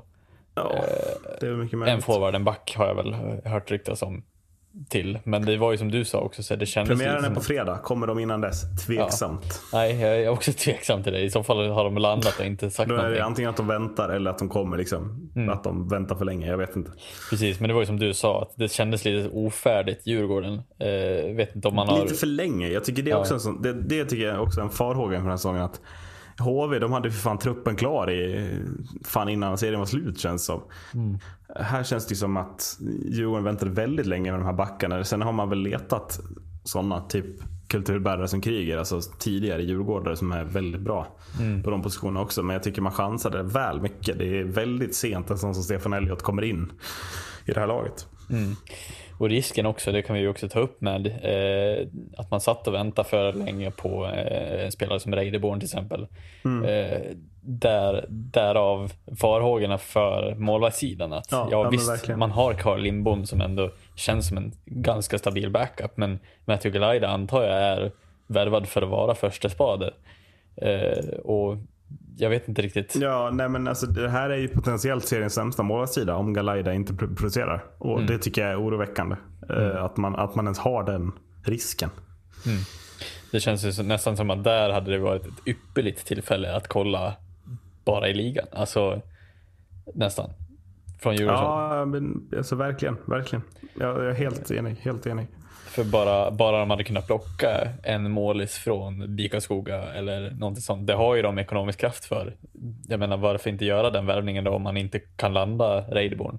Istället går man på en chansning som Matthew Galaida som vi inte riktigt vet vad vi ska tro om. Eh, antingen är han en Joe Canada eller så är han bara ingenting. Nej, och och jag tycker en sån som Galaida går inte att sätta som outsider heller. Alltså Deoro, Mm. om man jämför med Björklöven, han är inte värvad för första keeper. Men Galaida, han kan inte vara någon outsider. Han måste vara bra. Mm. Eh, så att det är liksom, därav tycker jag att han faller bort från den kategorin. Eh, och det gör även vissa andra nyförvärv i den här ligan. Alltså så, det är lätt att, att vara, nu har vi hittills pratat om sådana som Cockerill och liknande. Men de blir ju outsiders för att de är ju inte värvade för att vara första centra typ. Nej. Eller första keeper eller första back. Jag menar, är man värvad för det, då kan man inte vara en outsider. Utan Nej. här är det bara det är leverans som, som gäller. Annars är det bara att åka hem. Precis. Tycker jag. jag. med. Eh, genombrottet då eh, känns ju som att det finns några att ta. alltså otroligt kul att de ger så många unga chansen Djurgården, tycker jag. Ja, eh, och det känns ju ändå som att det finns några som redan har gjort sina genombrott också. Eh, Ja, jag vet inte, hur tänkte du kring Jonathan Lekkerimäki om vi ska nämna det? Jag kände att jag kan inte ta honom på genombrottskategorin. För det Nej. genombrottet känns gjort redan. Kände Ja, jag precis. när jag valde. Ja. Eh, ja, nej jag håller med. Alltså, det Lekkerimäki, är han så bra som han var i SHL, ja men då är han ju en fullbordad SHL-spelare. Ja, verkligen. Alltså, det är ju lite Verkligen. det som jag känner och tycker. Och frågan är hur länge Djurgården kan behålla honom om han är så bra. Eh, är ju min tanke. Men eh, för jag menar Vancouver har väl rättigheterna till honom och gör han, gör han tio mål första tio matcherna, ja då klart som fan Ja, ja, Vancouver så börjar, det, den finns ju alltid liksom. Det är bara, börjar tumma lite på telefonen kanske. det är bara att leva med. Ja. Eh, Vem, vem blev det då? Vem valde du? Alltså jag, jag blandar alltid ihop, för jag vet att eh, de två, Liam Ögren och Noah Östlund, är två unga killar som förmodligen kommer få en, en del. Nu, nu blandar jag ihop vem det var som var bra på försäsongen. Men ja, det, det, det kan jag besvara för det är nämligen mitt genombrott. Det var Ja. Noah Östlund som har Noah varit Östlund. fantastisk på försäsongen. Och det var lite, lite därför han blev mitt val också. Mm. Eh, Jag tycker ju som du, man ska ju sällan, man ska ju inte dra för stora växlar för säsongen. Men någon växel kan man väl ändå dra. Mm. Att Östlund är ju redo att göra poäng i allsvenskt motstånd. Verkar det ju i alla fall som. Eh, Mm. Och det är väl, känns väl ruskigt intressant tycker jag.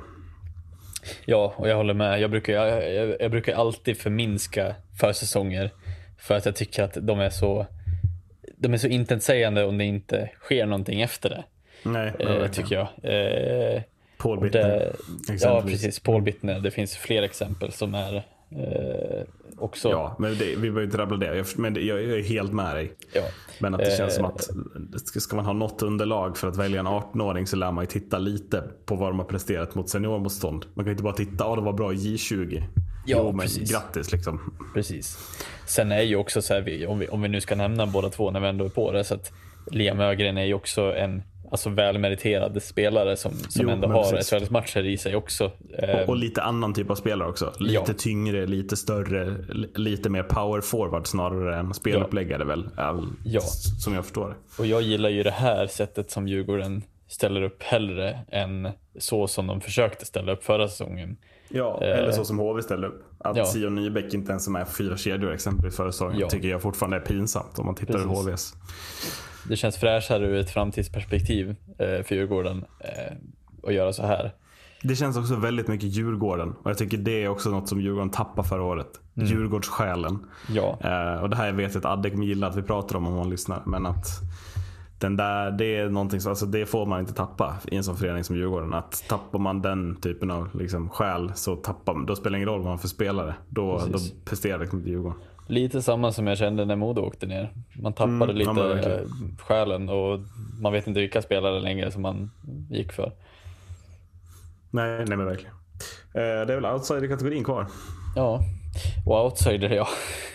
Det kanske vi redan har besvarat, men ja, det blir ju Galaida som är min outsider i alla fall. Du tycker verkligen, jag tycker inte han kan vara outsider. Jag tycker inte. Han måste vara bra. Jag, Ja. det var som jag är inne på. Jag, jag tycker det här, det var det, jag, här var jag inne på att jag skulle gå emot dig i den här kategorin.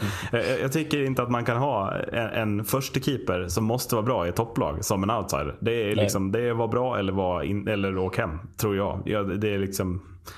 Men det är väl klart att man, om man ser det ur ett bredare perspektiv och tänker outsider att han skulle kunna vara överjävligt jävla bra och vara bäst i ligan. Det är väl så du tänker antar jag? Ja, alltså jag, ja det, det jag tänker är ju att vi vet inte riktigt vart vi har honom och där har min outsider. För att hade jag vetat att okej den här killen har fan stått i NHL i, ja, alltså så här, i två säsonger, ja men då vet jag att han ändå har en nivå som man kan uppnå.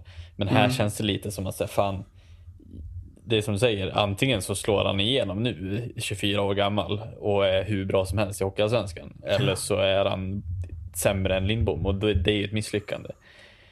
Jo, ja, men, men just att man, man vet inte vart man har honom. Men det man vet, man vet ändå att här är Djurgårdens första keeper.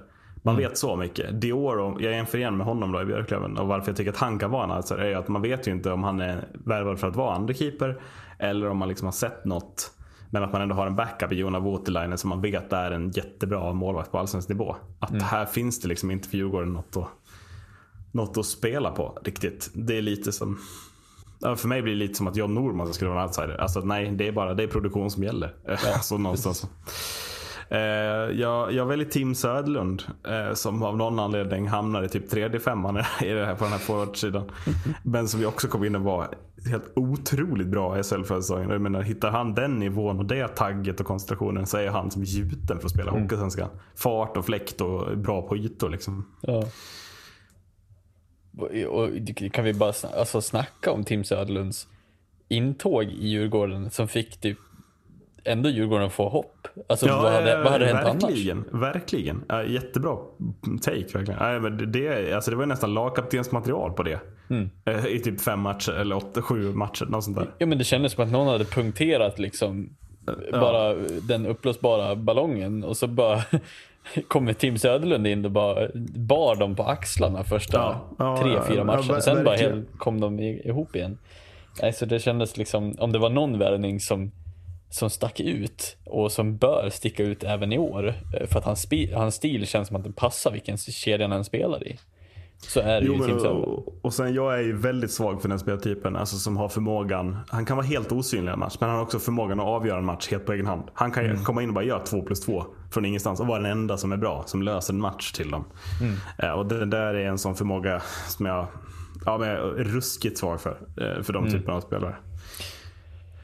Ja, och sen kan man ju inte heller snacka för lite om typ Ludvig Rensfeldt och Nej, nej, sådana samma, spelare alltså, så. heller som, som också kändes helt okej med ett dåligt Djurgården. Alltså, Mm. Jo, men De får ju ändå mer än okej till och med väl. Alltså, Ja.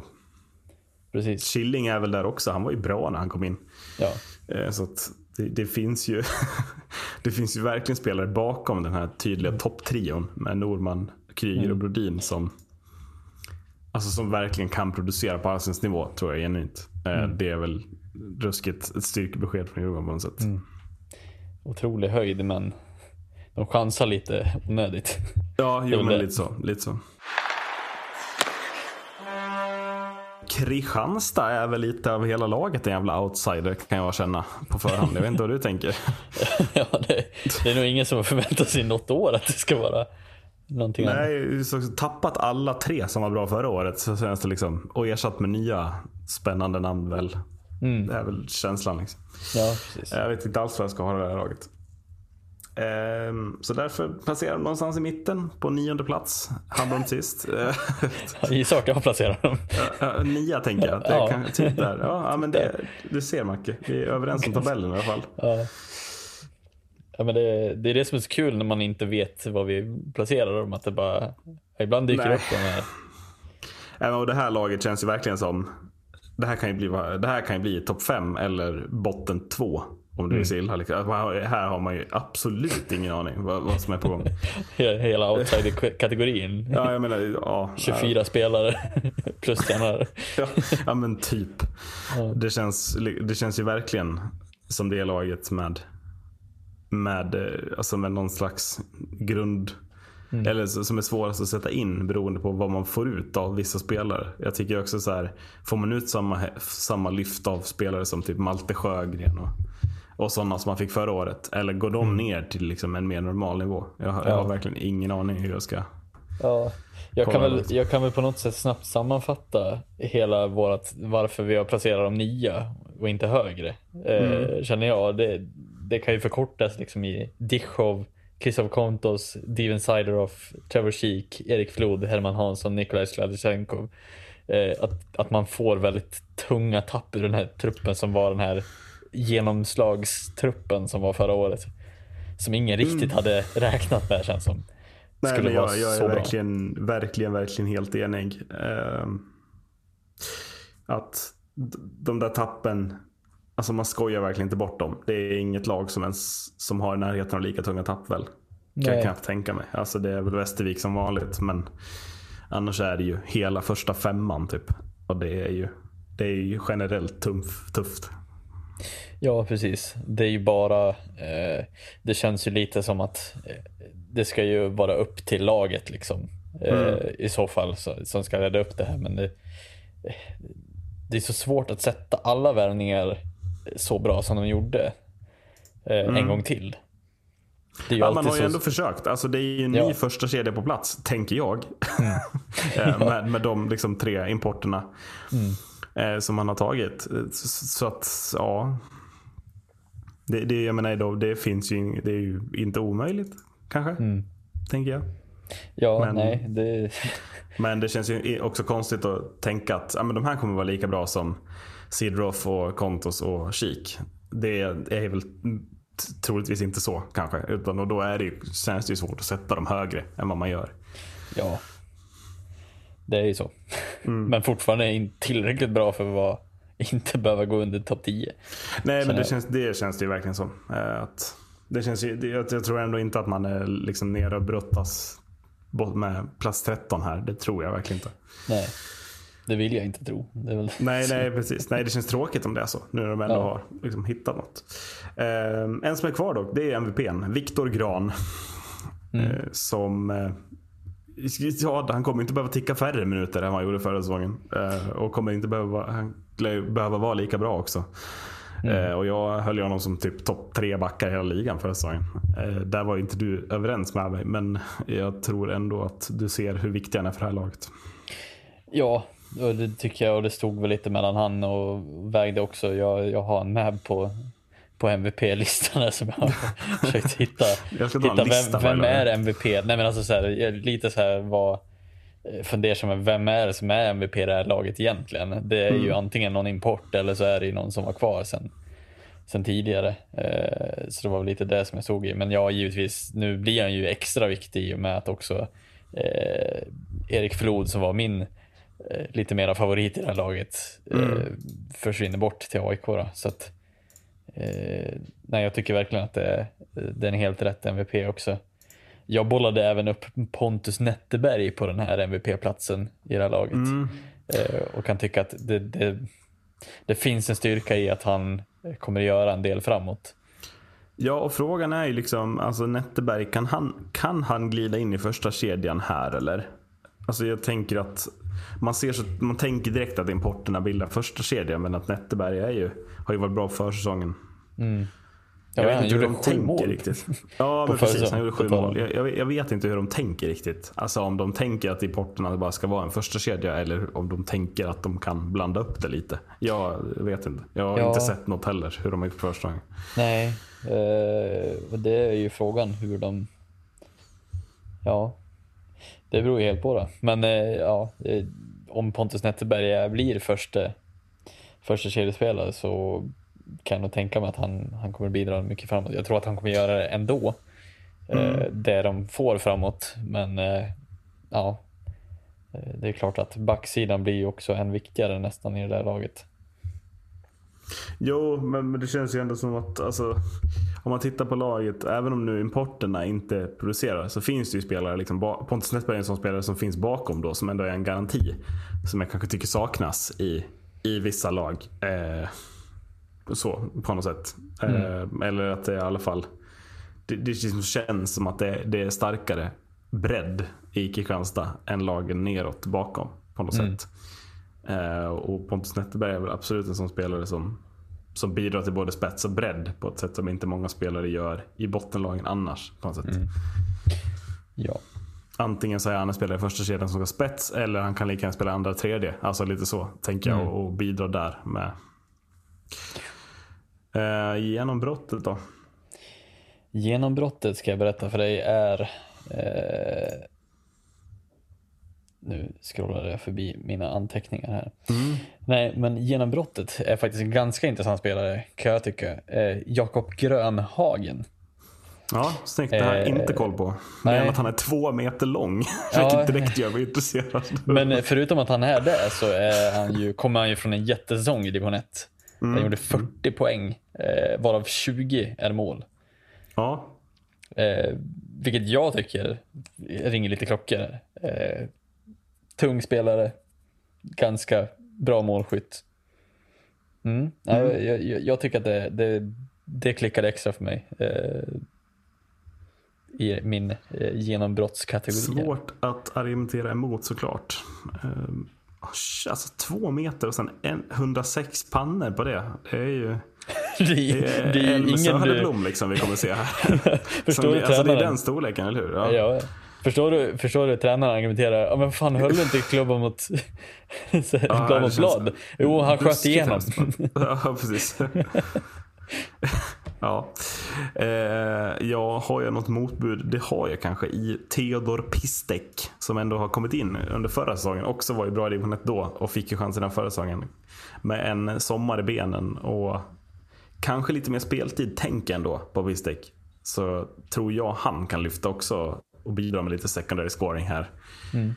Eh, vore kul att se honom bredvid Grönhagen känner jag direkt. eh, så att, var, eh, ja, lite så. Lilla, lilla rutinen som spelar in. Ja, det kan ju vara Ja. en ny Söderblom vi ser här från. Ja, Det är, I alla fall storleksmässigt så är det väl exakt det skulle jag tro. Söderblom är kanske, nej, han kanske är ännu längre. Men det är ju liksom, det kommer ju kännas som en gigant. Visst är det sällan vi har sett forwards vara så långa? Ja, det känns lite som en ny grej. Ja. Det känns lite som att ingen börjar spela döda för hockey. att se Jakob Grönhagen och Linus Pettersson i samma serie. Pettersson 1,71, 65 kilo. Men det känns ju, det känns ju liksom, liksom lite som att ingen börjar att spela hockey som är två meter lång heller. Jag vet inte om det Nej, är det norm finns ju andra som är- karriärer, basket och så vidare, som känns direkt stabilare. Men Men, nej, men Söderblom blir väl någonstans PNR. Det är alltså så. Mm. Han visar väl att det går, uppenbarligen. Så att, eh, outsider. Ja, men, har du återigen hittat någon som ska spela i första serien eller hur tänker du här? Ja du. Eh, jag har hittat, min outsider är Alexi Aniali. Mm. A- A- Aina, Ainali. Uttalar Ja, det, det var den jag tänkte, den här kan jag släppa igenom om du tar honom. Jag Mm. håller med. Eh, för jag tycker ändå att det här är ju Det här är en spelare som kommer matchas ganska hårt. Eh, har jag dessutom eh, luskat fram. Ja, Eh, kommer precis. Mm. med rutin från finska ligan. Eh, tycker att det är, en, det är en intressant värvning som ska någonstans ja, vara spetsen i det här laget. Eh, kan också Mm. vara botten i det här laget. Jag har ingen Ja, aning. men det är faktiskt. någonstans liksom att, alltså, jag tycker att hade du valt Bajkov eller Kopacka, de är så givna. Topp, alltså första kedjan för mig. Och Mm. jag tycker ytterforward känns lite smalare. Men centerkedjan är ju ändå Ainali, det är Filip Karlsson och Dennis Svensson. Den är ju stark. Och jag menar, bidrar Ainali där med, med liksom en stabil, alltså kontosnivå så har vi ju Mm. Då har vi, alltså då har vi ett Kristianstad som, som menar allvar igen, är Mm. väl känslan. Ja men precis, och jag menar, han, har ju, han har ju spelat ett gäng säsonger i högsta ligan i finska ligan. Så att jag tycker ändå att det verkar rätt intressant att han kommer och, och lirar i Hockeyallsvenskan. Eh, han har en del mål i sig skulle jag gissa på. Så att eh, nej, jag tycker att det, det verkar intressant. Men det känns också som att fallhöjden, vi vet att finska ligan känns inte alls lika pålitlig längre när det kommer till sådana här värvningar. Nej, alltså framförallt är det väl för att många allsvenska lag, upplever jag, har tagit spelare från finska ligan som typ har gjort sju poäng. Och då känner jag lite att så bra är ju inte finska ligan att man bara kommer in och gör 25 i, Nej, i precis. eh, alltså, Hockeyallsvenskan. Jag känner dock att Aina Ali, där finns det ju ändå liksom Alltså han kommer ju från, från enda säsongen där han gjort, nu gjorde han ganska få förra säsongen, men innan dess har han ju fyra raka säsonger där han gör över 25 poäng. Det tycker jag ändå är en annan spelare än vad vi kanske sett de senaste säsongerna. Kan, jag, kan jag känna på förhand. Så att jag tycker att outsider-epitetet känns helt rätt. Eh, mina alltså, jag skrev att falla tillbaka på mitt eget resonemang här, men vem håller du som första keeper i det här laget? Ja, nej, jag vet faktiskt inte. Nej, det är eh, Filip precis. Larsson. Men eh, ja. Ja men precis, för jag tänker ändå att eh, Joel Istedt har nu gjort mirakel med Kalle Klang för två år sedan. Mirakel med Fredrik Dischow förra året. Är det inte dags att göra mirakel med den norska stoltheten Jörgen Hanneborg i målet i år då, som kommer från en magisk säsong i norska ligan. Vad det betyder, inte en jävla aning. men jag tänker att eh, det kanske är Istedt själv som har handplockat den här gubben på något sätt. Att han, han har, och jag tycker att är Hanneborg, en, eller Larsson för den delen också, kliver de upp och är lika bra nu som Dio och Klang varit den senaste åren. Då är det ju bara för vilket SHL-lag som helst att ringa Joel Istedt, erbjuda honom en fet jävla lön och be honom plocka ut vilken målvakt de ska värva. För att det är ju helt sjukt vad han gör med de här keeprarna. Ja. Ja, jag, håller med. Alltså, man vet inte riktigt vad man ska hämta ur det heller. Eh, Men jag menar, det går inte att bortse om man lyckas med det här också. Nej, då, nej då, då verkligen inte. känns det ju verkligen som att då är det ingen slump längre utan då är det bara då borde ju målvakterna stå på kö för att komma dit. Ja men då måste man ju vilja gå till Kristianstad som målvakt plötsligt också kan jag känna. Att då blir det den. Ja precis, en målvaktsstormakt. Som, Ja precis. Ja, eh, och det var väl någon fler som var, eh, nu kommer jag inte ihåg vad han hette. Eh, men han som tränade upp det i Bry- Brynäs, Alsen. Hette han så? Nej, Pekka. Eh, mycket möjligt. Ja, Ja. det stämmer säkert. Tappa, ja, men jag tror att det var, det var väl också lite så här legendarisk stämpel på, Mm. på målvaktstränare. Liksom. Eh, men det, det känns ju givetvis som att någonting gör han ju som är väldigt rätt. Ja, men precis.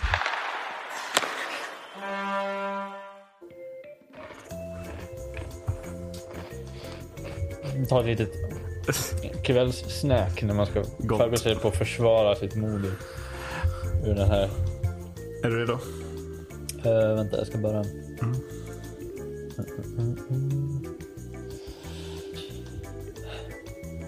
Ja, Tre, två, ett. Jag lutar mig väl tillbaka Marcus. Och låter dig gå igenom eh, Modo. Vem som är MVP, vem som är genombrottet och vem som är outsidern. Eh, jag tänker att du får någon slags förtur kanske. Vi kanske ska ha det på våra egna lag. Vi kan väl dem så pass bra. Jag känner att jag, du kan ju definitivt Modo bättre än mig och har ju svaren mer än vad jag har. Eh, men vi kan väl börja med tabellplacering. Var, vart landar ditt kära Modo den här säsongen? men det är ju, å andra sidan är det ju roligare att höra det från en annan. Alltså, Ja, man, vet, absolut. Jag- man är jag ju rädd för att säga. vara för färgad ibland. Jag, jag, jag kommer ju säga hur jag ser på saken eh, Ja. såklart. Jag kommer också att stärka upp min åsikt. Ja. ja, nej, men så här. Eh, Modo eh, i, min, ja, i min tabell kommer trea. Eh, och, och lite av anledningen bakom det tycker jag är styrkan i liksom den bort, lite av den bortglömda faktorn i det här laget. Det känns som att de fått lite för lite eh, uppmärksamhet, men att nästan hela laget i princip är intakt från förra säsongen. Eh, tycker jag väl är, alltså man, hela laget som är ändå tredje mest mål förra året, man är två av seriens bästa målskyttar eh, och är fortfarande kvar. Eh, Mm. Två man har- poäng bästa backarna också, va? Ja, Mm. givetvis. Plus Rihards Marenis Jaha.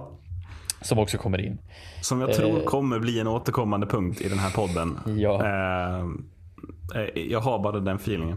Ja, precis. Men oavsett den här eh, höjd eller fall eller vad man nu kan kalla det på Mm, spelare så ser jag inga tecken på att Riley Woods kommer att sluta göra mål för det här Modo. Jag såg honom pricksköt in eh, igår mot Björklöven, förrgår mot Björklöven Mm. i powerplay. Eh, också med uppställningen Bernhard och eh, Nässén i en fin triangel där.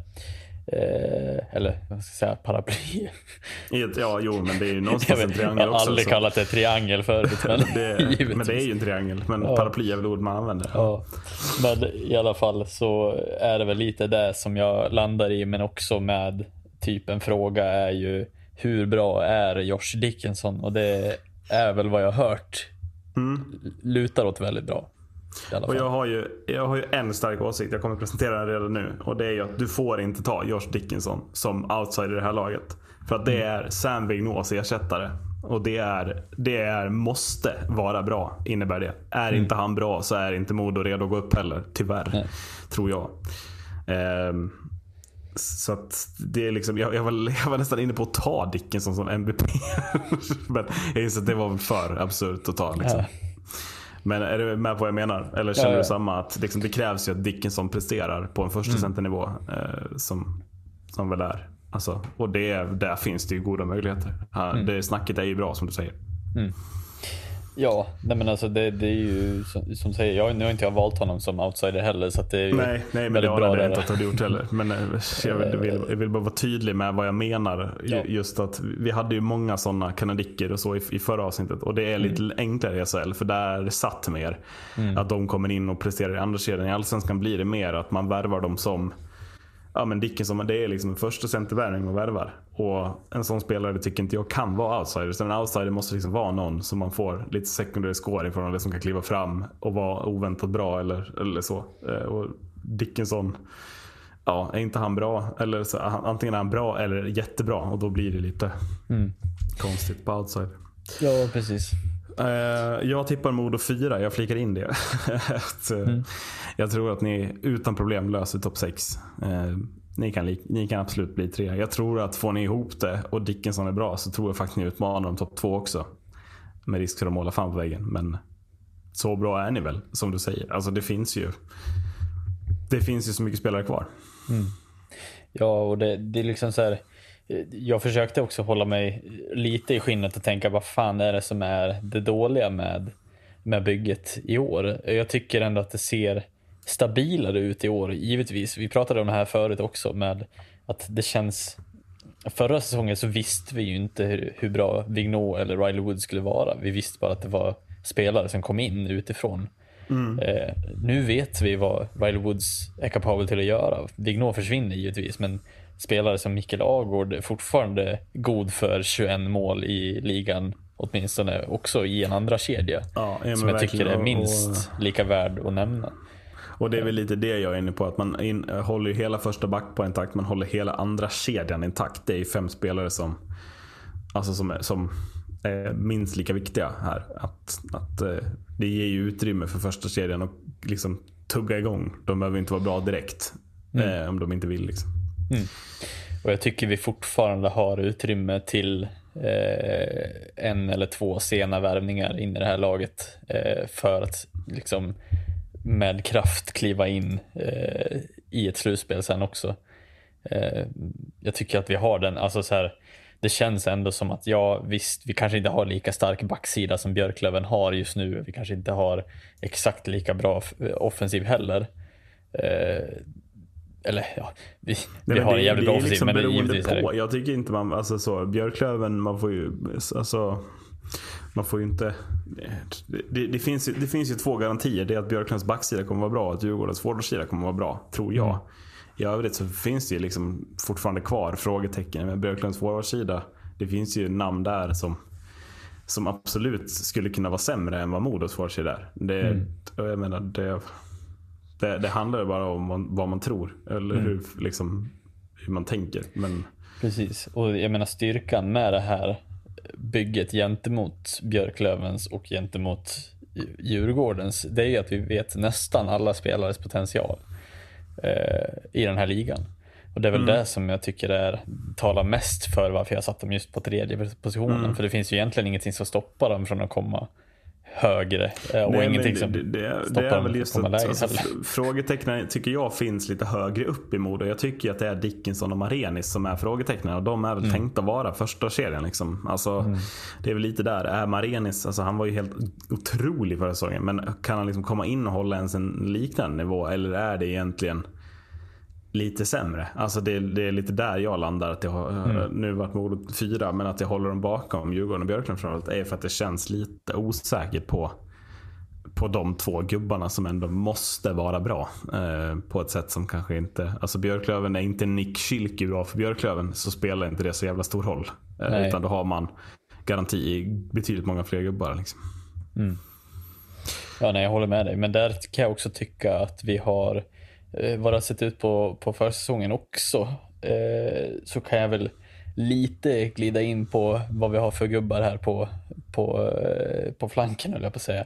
Men jag, jag glider in på genombrottspunkten på en gång här. Ja. Eh, där jag tycker att Johan Södergran har en, eh, ett otroligt utgångsläge för att göra ett genombrott i det här laget. Jag har, jag, nej, jag har dem som outsider. Jag har bytt kategori Ja. bara. Men jag är helt, helt med dig. Helt med dig. Eh, Jag har sett honom kika upp lite i första kedjan faktiskt. Eh, Också nu på försäsongen.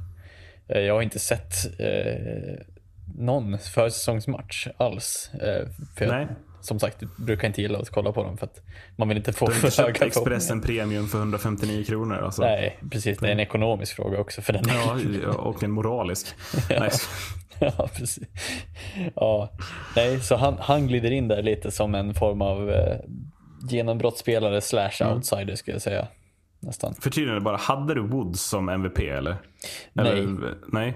Nej, utan eh, min MVP blev Josh Dickinson faktiskt. Och Ja, det du, okej, du gjorde så. Jävlar vad kul att du tänkte som jag där. Eh, ja. eh, För jag tyckte, jag tycker precis som du, alltså Riley Woods är inte samma spelartyp utan en Josh Dickinson eller Sam Nej, men nej, nej verkligen. Mm. Eh, jag tror ändå att så här, är Riley Woods själv in i slutspelet som han var när Vignot vart skadad va?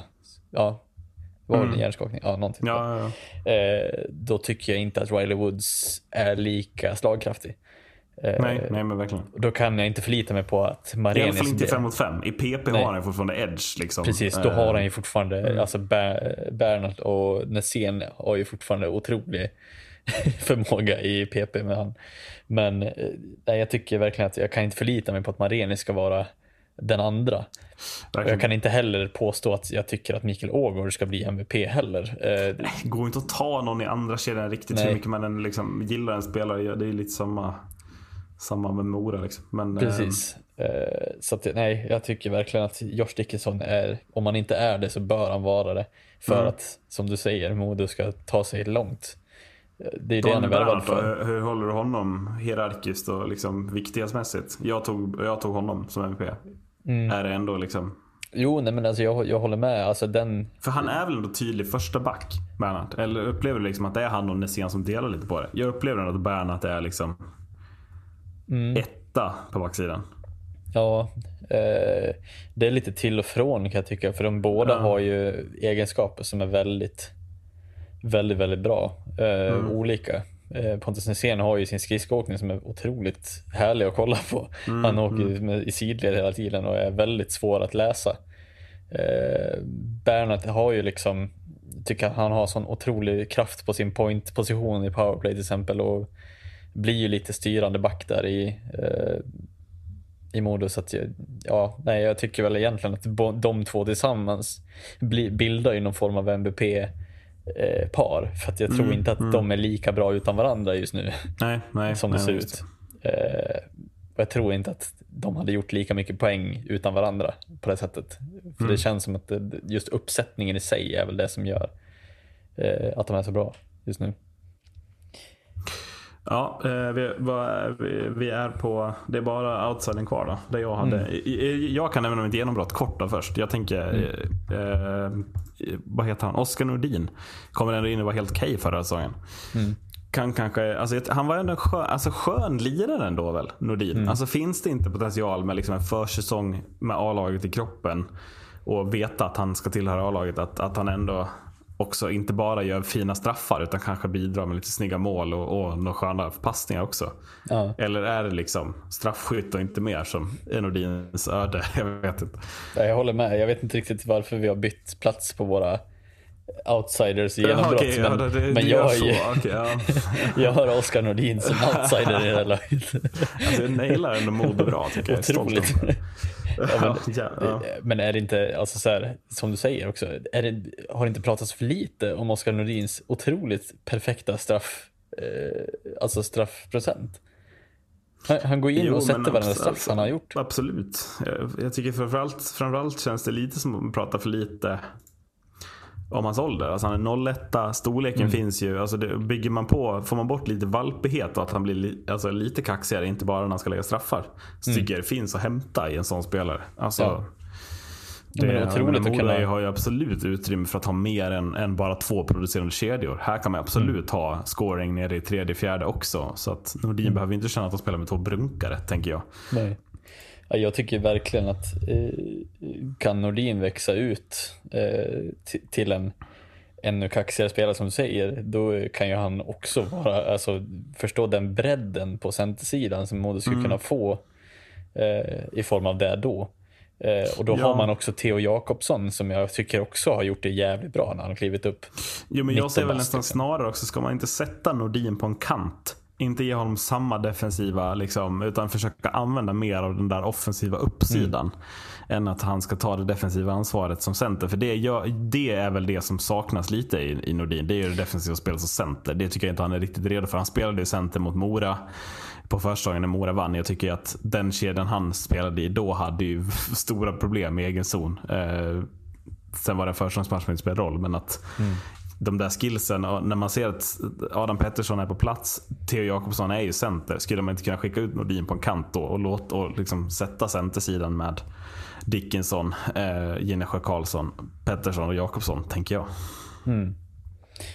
Ja, precis. Och Södergran lär väl halka in någonstans också på tredje lina eller högre. Men det beror ju helt Ja. på hur, hur vågad man är i att bryta upp Ginnesjö Karlsson, Agård och eh, Svenningsson. Det är väl det Den tycker jag inte man ska bryta upp alls. Eh, Utan jag ser väl, jag, jag, ser, jag ser ju lite så här, Johan Södergran i en tredje bredvid Adam Pettersson som är lite pappa åt honom. Och, och sen att Sebastian Olsson kanske kliver ner i fjärde. Daniel Manberg får spela där också. Alltså ni har ju väldigt mycket spelare som, som jag tycker, alltså så. Det kommer ju behöva bänkas folk också. Där är ju Oskar Nordin i farozonen tycker jag. Blir, alltså, och OP är väl assisterande kapten fortfarande. Ska han inte spela? Det är väl tvek. Ja, nej, det är ju en kulturbärare utan dess så, Jo men det är dessutom i den åldern också. Så att, Precis, så att, eh, ja, nej, det blir, blir svårt. Men jag håller med dig, om inte Oskar Nordin visar att han, han kan mera, eh, så tycker jag ändå att han, han ligger i farozonen. För att det finns ju ändå duktiga spelare som ska, som ska ha tid. Liksom. Ehm, men kan han blomma ut, ja då kan han ju bli hur bra som helst för det Modo. Vidare till mitt Mora då. Vad härligt att få prata om sitt egna lag. Ehm, jag tror Mora tar en direktplats till slutspelet i år. Eller jag kanske fetchar, men jag tippar dem sexa. Hur högt håller du dem? Ja, men vi, är vi är väldigt lika är vi faktiskt. Eh, jag har Ja. tippat Mora faktiskt högre än vad du har gjort. Oj. Eh, så att de härligt ligger på min femte plats. Eh, Shit vad... Mm. Jag var lite nervös. Jag trodde inte du skulle tro på Mora. 13. Nej, men jag förväntade mig typ åtta eller något. Eh, eh, ja, eh, jag tycker att eh, vi presenterar en av de intressantare forwardsidorna i hela ligan eh, faktiskt. Och tycker att där finns det det finns en så sjuk tydlighet i Moras forwardsida. Vilka som ska spela i vilken kedja. Att det nästan är sorgligt på något sätt också. Så här. Men, men jag, jag, jag tycker också Mora satte laget så jävla tidigt att jag tror att vi borde kunna starta den här säsongen med ett ganska färdigt bygge. Jag hoppas det ger oss några extra poäng i början. Ja, alltså jag är ju mest jag är mest fascinerad över att ni får behålla så många spelare som ni får ändå i Samma här. form av att ni var så bra som ni var förra säsongen. Mm. Och dessutom när Daniel Ljunggren var uppe och kände på SHL till och med. Eh, och ingen riktigt så här... Du fick lov att Ja, jo men... riva upp det såret. Ja, jag var tvungen. Jag var tvungen. Men och det som ska sägas är att Lukas Wernbloom är ju alltså klar in i, slut, i mitten på juli. Han är, det är ju nästan så att vi har honom kvar också innan Malmö kommer. Det är ju faktiskt helt sjukt. Mm. ja, sen bryter han handen och där, så Ja, jo, jo. Det vart ju inget bättre för det. Malmö. Nej, men att, det, det är liksom, att han nästan också är kvar är ju ännu sjukare tycker jag. Mm. Ja, jag håller med. Eh, Men eh, alltså så här, ja, jag tycker verkligen att det här känns också eh, som en riktig utmanare i ett slutspel. Alltså det, det verkligen är ju ett lag som dels får behålla många spelare. Ni har kvar liksom samma typ av stomme som, som var förra säsongen. Eh, jag kan inte riktigt uttala mig hur mycket det kommer påverka av att Lukas Wernbloom försvinner, men det känns ju ändå som att ni har ligans, ja, kanske ohotat bästa powerplay. Eh, Eh, ja men det har vi. Eh, Ja. det, ute, alltså, absolut. Och det är en jävla styrka såklart. Och jag vet inte hur, det, hur mycket mindre ni kommer göra mål. eh, Nej, alltså, det, alltså, vi kommer ju mer mål. Vi kommer Ja. ju mer mål i powerplay. För att andra PP funkar inte förra året. Mm. Och de här kanadickerna har ju kommit in och styrt upp andra PP. Mm. Så att det, det kommer bli mer mål i powerplay. Alltså, det, Mm. det, känns, eh, ja, det känns ju helt absurt att säga. Men Mora kommer ha bättre powerplay-procent. Det är jag ganska övertygad om.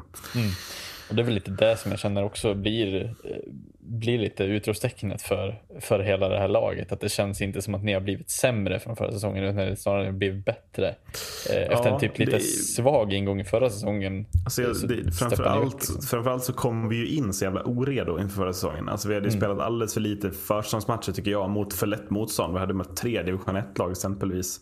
Mm. Och det tog ju liksom hur länge som helst innan vi ens tog tre poäng. Så det är klart att kommer vi in mer redo och sen, jag menar, Johan Hedberg, det är ju tydligt att han bygger ett lag som ska bli bättre och bättre under säsongen. Det är inget, alltså så, det är inget han hymlar med utan Mora har ju en, under, under hans ledning bara blivit bättre efter jul varenda år. Men då, lär- då lär man ju vara med. Alltså man, man, man, måste ju, man, man har inte råd att spela play-in exempelvis. Ska man gå upp så måste man få vilan där och skippa de matcherna. Då få en och en halv vecka ledigt innan slutspelet börjar. Det är ju så enkelt. För att Mora är ju fan slutkörda när matchen mot Karlskoga börjar. Och annars tar man ju någon extra match, det är helt övertygad om. Ja, precis. Nej, alltså det... Jag vet inte riktigt eh, hur mycket man ska liksom gå ner på detaljnivå i det här eh, Mora. Du har säkert eh, analyserat varenda detalj i det här Mora, men jag tycker att det landar ju i eh, hela tiden hur bra eh, stommen är i Mora med Mm. Ljunggren Persson. Alltså det tycker jag, och därför har jag också skrivit båda som form av MVP Ja, till det nej, här det, det, där, jag, jag kan direkt alltså så, skicka bort Johan Persson från diskussionen. Daniel Ljunggren är solklar MVP på egen hand. Eh, Mm. I offensiv riktning, absolut. Där är det de två som tillsammans ska göra poängen. Men det som Daniel Ljunggren bidrar till i det defensiva spelet, han spelar alla alltså så defensiva tekningar, def, alltså han spelar i boxplay. Det gör ju att han är ju den, alltså om Persson går sönder så kan man överleva. Men man, man överlever ju inte om Daniel Ljunggren är skadad 20 matcher. Då är det ju fan botten, bottenlag det här. Eh, så att off, offensivt är det ju de två tillsammans som måste stå för majoriteten av produktionen. Men Ljunggren i sig är ju viktigare som, som spelare tycker jag. Är Ljunggren lite som eh, Ryan Lash? Ja, det, Jag Men, menar, om du fattar vad jag menar, att han, han tycker det är roligare att se andra göra mål Jo, men än det, är, sig själv. det, det är därför försäsongen blir så intressant i år. Att han har gjort fyra mål och ett assist för försäsongen. Alltså om han nu har fått för sig att börja skjuta lite också så då är det ju poängligasegern som ligger där. Och då, alltså jag ser inte, jag vet inte vad du tänker, nu kan det vara jag som är hemmablind. Men, men finns det någon bättre spelare i den här ligan än Daniel Ljunggren? Jag är på den, jag, är, jag alltså, börjar det- hamna där liksom. Att jag, jag tycker inte att det är någon som är bättre. Det är alltså med, allting är väl relativt beroende på Ja, vilka, jo, jo. hur bra Marcus Kryger ska vara i år. Men Jo, ja, Eh. jo okej. Förlåt Adde, jag glömde Marcus Kryger. men, men att... Ja, jag tror inte Ljunggren är mycket sämre än Marcus Kryger. Han går ju bara upp emot någon som har spelat NHL hela sitt Ja, liv. jag menar det är lite liksom... Det är på den nivån jag, jag landar. Mm. Så, vi, och så, så mycket MVP han är för laget är helt... Ja, det finns nog ingen större kanske MVP-stjärna nu när jag tänker efter heller. Alltså, även om jag tog Persson, men ja, vad, är, vad är det som gör att Persson gör så mycket mål? Det Ja, exakt. finns exakt. bara ett svar det, på den frågan. Det, är- lite det. Jag, jag, jag, jag tror också som du att om man tittar störst MVP i ligan så är det nog Ljunggren som, som landar in där. Mm. Eh, det skulle intressant att höra. Hur tänker du kring genombrott outside det här? Alltså, jag vet inte riktigt hur jag själv har tänkt när jag skrev det här för ett tag sedan. Eh, men jag vet inte varför jag... Ja, jag kanske har tänkt tvärtom. Ja, nej, men jag, eh, Genombrott, Johan Persson eller? Nej, eller Ja, precis. Nej, alltså jag tycker väl ändå så här att eh, det blir väl lite genombrott här. Jag vet inte om Måns Karlsson egentligen är ett, han har redan gjort lite genombrott. Ah, jag tror inte du kan sätta honom där. Nej, Det jag känns- tycker också att det känns, känns det lite, igenom. Mm. lite feltänk av mig faktiskt. Men den står jag för. Eh, Nej, för jag hade satt Patrick Harper först som genombrott, vilket jag inte heller förstår. Jag måste ha varit trött när jag satte det där. ja, nej, men, Eh. ju... Men annars vet jag ju typ en spelare som Albin Greve vet jag inte riktigt heller om han, Det är han mitt genombrott. också sett. Ja, Det är mitt genombrott. Eh, för han tycker jag ändå inte har slagit igenom lika stort som de du precis nämnde. I, i liksom, som, alltså, han är, ser riktigt fin ut på försäsongen. Eh, och jag, alltså, det, finns ju, det finns ju tyvärr en skadehistorik som är oroväckande med hjärnskakningsproblematik. Eh, Jag hoppas han får vara frisk för då tror jag att det finns då finns det väldigt mycket att hämta i Greve i år. Eh, Det känns som att poängproduktionen börjar, han börjar hitta rätt med den också. Börjar bli jobbigare och jobbigare att möta. Lite, Br- lite Bromé junior, Bromé light på Greve. Verkligen. Att, och det är ju någonting som Mora gärna minns. ja precis. Jag menar, eh, Albin Greve, det känns som att han var på G eh, redan i Djurgården där eh, Mm. ett tag, men aldrig riktigt fick det att flyga. Eh, han var väl över till i AHL. Ja, och sen åkte han till Finland. Det är ju aldrig ett bra val. Förlåt, men åk inte dit. Nej, det, det är aldrig ett bra val att åka Men man ser liksom så här, Patrik Karlqvist åker till Finland och får knappt spela. Kommer tillbaka och är dominant i SHL i vissa matcher. Liksom. Alltså det, det är någonting som finnarna har druckit där i vodkan som bara är att de inte ska liksom, låta svenska spelare prestera. Jag fattar inte riktigt.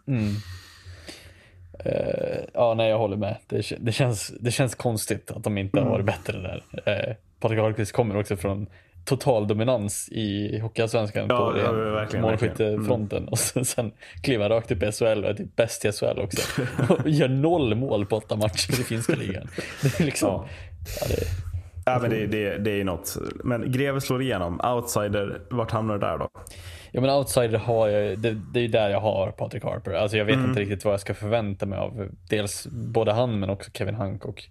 Eh, nu kanske du har fått lite tid att se eh, på de två. Eh, vad Mm, Nej, de jag tycker Harper är, ju, Harper är ju absolut ett bättre val om man ser outsider. Hancock är ju ändå värvad för att vara den där andra centern vi har saknat så länge. Och, och så. Men Harper blev ju lite, oj vart Lukas Wernbloom försvann. Vem tar vi? Så här finns det ju, det här är ju också lite så, det kan vara 40 poäng, det kan vara 7 typ. Det är ju lite, Ja. det är lite den, liten kanadick det är ju aldrig. Paul Bittner. Där, ja, det är lite, oh. Ja, men det här var i alla fall liksom någon form av panikvärvning. Mm. Bittner var ju ändå utstuderad. Det är sorgligt i sig. Där gjorde man ändå rätt tittade i egna ligan. Bara, åh, han är bra. Och så Ja, var det så. det- och som sagt, de där, det där är ju liksom ett When We Were Kings avsnitt. Väsby första kedjans säsong i Hockeysvenskan förra året. Paul Bittner 8 matcher, Tobias Lindberg 13 matcher, Colin Smith 15 matcher. Sen Mm. försvann allihop. ja. Väsby. Sidospår, sidospår, har vi råd med det? Vem, Patrick Harper, jag bollar upp Fabian Ilestedt som en eventuell outsider också. Han är ju ändå, alltså han kommer ju från en fantastisk säsong i, i Vita Hästen. Kan han återupprepa den, kanske med lite mer i Mora, så finns det ju Mora behöver ju hämta hem secondary scoring och Harper och Ilestedt är ju två som måste stå för den. Är vi ju, vi eh, tänker ju bara samma kedja fast olika ytterforwards. Eh, så att någonstans där landar jag att secondary scoring är det som blir viktigast för Mora. För att spets-scoring, eller första kedje scoring, det har vi ju. Det vet vi ju. Det är ingen som är orolig för att Ljunggren och Persson inte ska göra poäng. Liksom. Det kommer ju ske. Så enkelt är det ju. Ja, nej, då, då ska det hända något sjukt. Ja, jo men verkligen. Båda skadade första matchen. Det- är det. Ja men, nej, jo, men alltså, det är ju skador som att stoppa dem från att producera. Det kommer inte vara att de går mållösa fem matcher i rad. Så enkelt är det ju. Vi hamnar på eh, Södertälje som med nöd och näppe klarar sig kvar för säsongen. Och det gjorde väl de gott. Tänkte jag säga. Det Ja, gör väl det får vem som väl helst gott. Får man säga. När man, Det är inte det, det, roligt att känns ju hamna som i... att, det känns ju inte som att man tänker att de ska sluta botten två i år i alla fall. Känner inte jag i alla fall. Nej. Eh... och det är väl tur att de inte hamnar ner i division 1-träsket igen. Nej, det känns som att det är gjort för dem. De behöver sikta åt ett annat håll. Hur högt har du skickat upp dem då? Jag försöker läsa din tabell här vid sidan av. Jag, jag ser... Jag, jag ser ju vart jag tror att, men jag, jag funderar på om du har gjort en luring här. Men Ja, nej. Eh, ja, det är svårt att se när du bara vet vad du själv har tippat. ja, jag har ju fyllt i din vid sidan av. Det för att kunna det. försöka gissa vart du har de sista lagen här. Yes. Eh, nej, men Södertälje landar faktiskt på en sjunde plats för mig. Ja, nej, men det är samma för mig. Jag tänkte Mm. om du hade skickat upp dem topp fyra till och med. Men det, ja, jag tror också att de... Jag vet inte hur du tänker, men, men att det känns ändå som att de inte riktigt är, är redo för topp 6 än. Men att om de får en bra säsong nu och får bygga vidare på det här så känns det som att nästa säsong skulle de kunna ställa ett, ett riktigt monsterlag på benen om de inte tappar för mycket spelare. Mm. Tänker jag typ. Ja, men framförallt också eh, så känns det ju än mer högaktuellt nu när det är så många Stockholmslag eh, som kommer att spela i samma serie som vi inte ens har nämnt nästan att alla Stockholmslag spelar i Hockeyallsvenskan. Ja, det är helt sanslöst att säga. Men Faktiskt. eh, att det känns som att kan de komma in i den här säsongen, få lite hype, eh, spela lite matcher mot Djurgården och AIK, det blir lite Ja, men det, det börjar leva lite igen där nere, eh, tänker jag också, eh, efter de här halvtråksäsongerna som har varit. Eh, för Södertäljes del. då. Eh, Ja, jag menar förra året då, alltså bara den ång, alltså det, de var, det var ju så mycket ångest i Södertälje. Mm. Alltså, de ska ju vara glada att det var Troja som stod där, är ju känslan. För att Ja. det är, jag tror inte att det hade varit många som hade torskat mot det där Södertälje-laget. Det var ju ingen som gjorde poäng verkligen. Nej. Det blir väl lite nackdelen av att vara för bra lag och inte gå upp innan. Alltså när, Ja, när de tappar ja. liksom. Ja, men eller att, alltså, det handlar ju också om att ersätta med rätt spelare. Jag menar, Tobias Lindberg och Colin Smith, vi satt ju här i podden förra året och var ganska överens om att, eller jag hade ju den taken i alla fall, det här är nog inte rätt ersättare till de här spelarna. Utan Mm. det här var spelare som Väsby skulle ha. Så det är ändå ett lag som ska bli topp 7, topp 8. Ja, Så att, verkligen. Men nu känns det ju mer spännande än någonsin det här laget. Eh, eller någonsin är det inte. Men... ja, men det finns ju många spelare som man känner att det finns en väldig höjd i. Eh, sen, sen kan de ju floppa, men, det känns ju verkligen som att, som att många spelare har, har en höjd som många spelare förra året inte hade. Och ja, ja det, Sen finns det ju några åldringar då som ska bedömas. Mm, precis. Som jag bedömde det i text också så sa att det här laget kan överraska men det kommer också ha jobbigt mot minst sex lag i den här serien. Ja, jo, men absolut. Så för att vara liksom väldigt tydlig med varför jag placerar. Så att, ja, nej. Vart, vart lägger man det känns också som att alltså Södertälje, de, de är ju, kommer, säg att de prickar formen lite fram emot och liksom löser play-in enkelt. Då tror jag de faktiskt kan slå ut, alltså så, chocka något lag i slutspelet.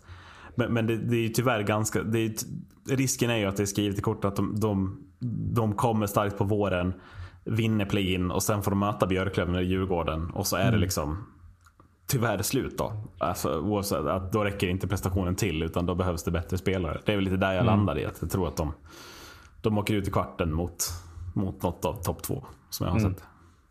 Ja, precis. Det, är ju all- alltid svårt också att bli bra på en säsong eh, igen bara. Eh, Ja. Har vi upplevt. Det, det ska ju mycket till om du, om du lyckas med en bara raketsäsong. Eh, jag menar, det, det är det som lite talar för de här topp top fem eh, över, liksom att de har fått behållit sina spelare över längre tid. Och det gör ju en del, både för lagkemi och för sammanhåll, alltså så här, eh, samspelt. Hela gänget men också. jag, jag är helt enig. Helt enig. Eh, ja, vi landar MBP tycker jag ändå var ganska svårt i det här laget om jag ska vara ärlig. Jag tyckte det var ganska enkelt. Jo, men det känns också som att, har du tagit Linus Widell? Alltså, Håll för den hade. ja, men är, han? Ja. ja, det kanske är så enkelt. Eller, eller, Jag, jag tycker eller- att det är så enkelt. Ja. Ja, du tycker det. Jag tycker att han var, till och med eh, med Djurgårds ögon mått, så var han ju bäst i Djurgården innan det I fem händelsen. matcher typ. Ja, jo, I fem ja, matcher, mm. innan händelsen skedde. Innan Marcus Sörensen kom. Eh, Eh, ja, jo. så tycker jag att Linus Widell visade en SHL-klass som var ganska hög. Mm.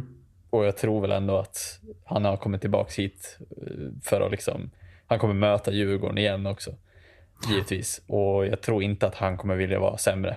Ja, det, är ju, alltså det är faktiskt en match man ser fram emot. Södertälje-Djurgården. Alltså just med den, den tanken bakom. eh, så, så är det väldigt roligt.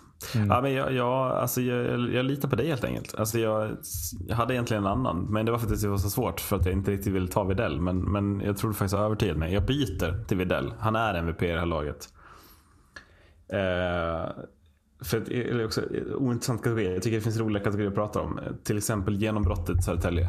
Eh, som ju också stoltserar med ganska många unga spelare. Vilket jag tycker är roligt. Det håller jag med om. Eh, det känns ju som att det, det finns några, alltså så här, finns ju verkligen några genombrott som kan liksom kloppa upp ur det här laget också. Ja, mer än ett till och med är väl liksom känslan. Ja. Även fast det finns andra spelare som är starka. Givetvis. Eh, jag vet inte vad du har för, för genombrottsspelare i det här laget. Men, Eh, ja, men jag, jag vet inte, du får säga vad du tycker om Albert Sjöberg. Har han slagit igenom? Eh, Eller var det bara att han fick en stor roll förra året för att alla andra sög? Eller hur tänker du?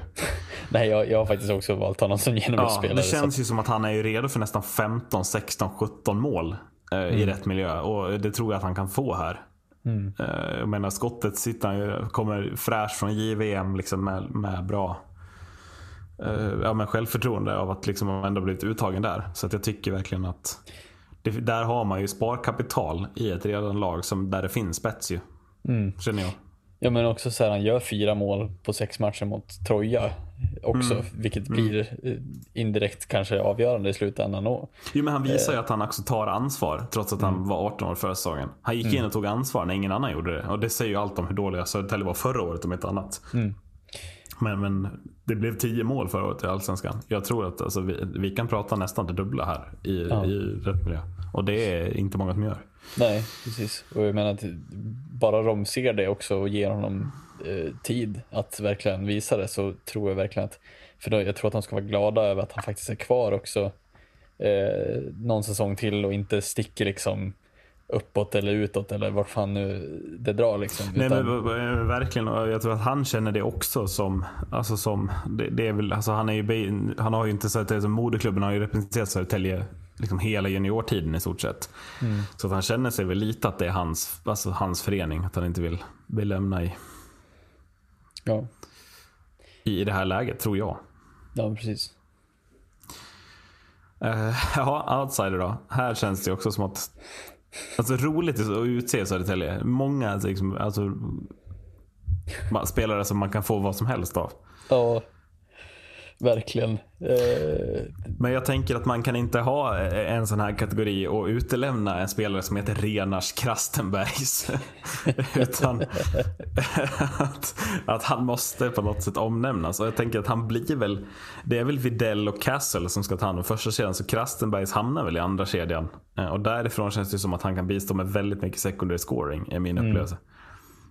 Ja, ja givetvis. Eh, känns ju intressant också i och med att han har varit med. Han spelade med Lettland också i både OS och eh, Ja, han har gjort VM-matcher. Alltså det finns Ja, ju något, precis. antar jag. det fin- finns något att hämta där. Eh, och inte bara på liksom eh, alltså i Lettlands egna liga utan eh, internationellt också. Så det tycker jag är- att det är värt att liksom nämna.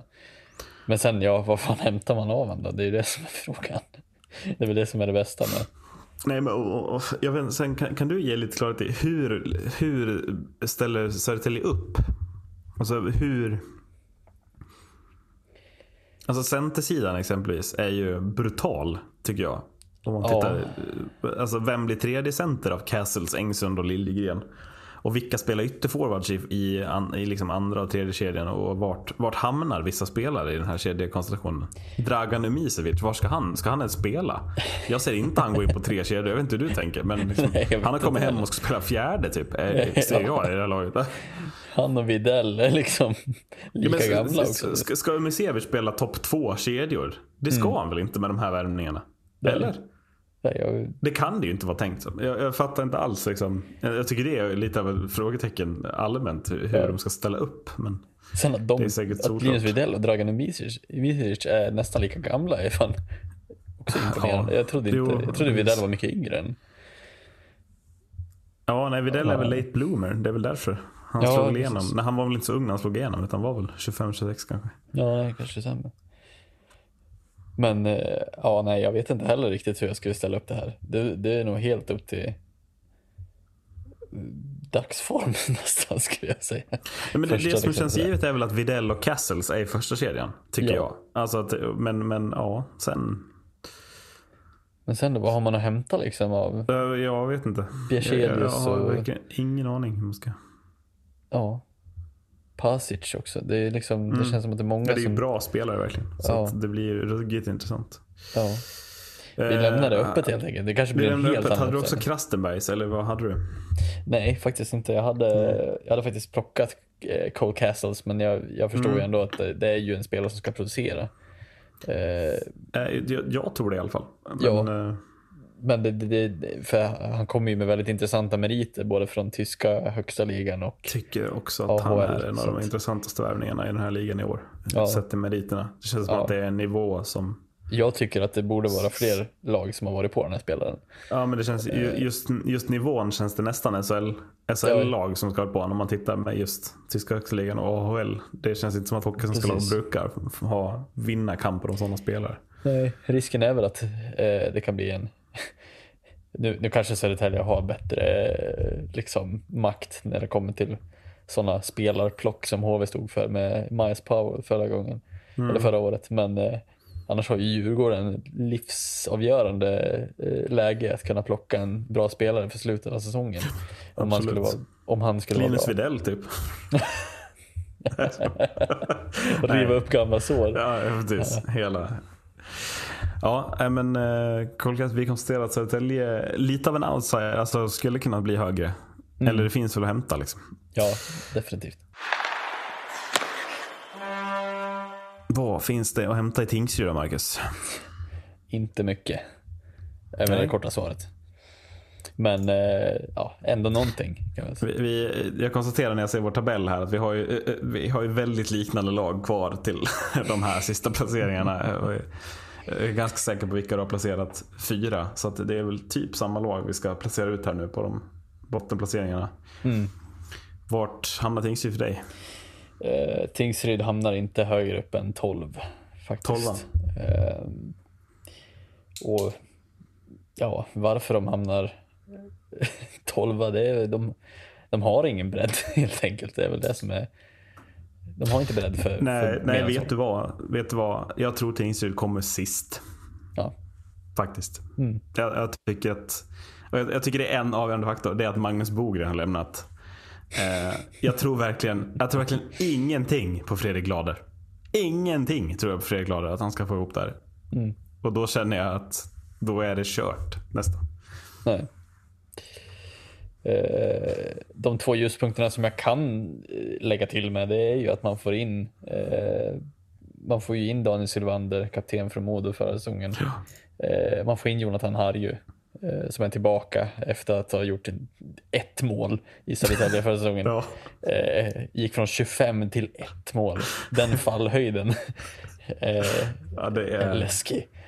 Men, eh, men där får man ju tillbaks potential liksom, i, in i klubben och jag tycker Daniel Sylvander, visst han fick ingen tydande roll i Modo men jag tycker ändå att han kommer in med någon form av rutin och ledarskap in i den här gruppen. Så att, eh, det tycker jag ändå man ska liksom höja. Eh, samtidigt, ja, Jonathan Harry, vad fan har man han då? Det vet ju inte om man gör 25 mål eller om man gör ett mål.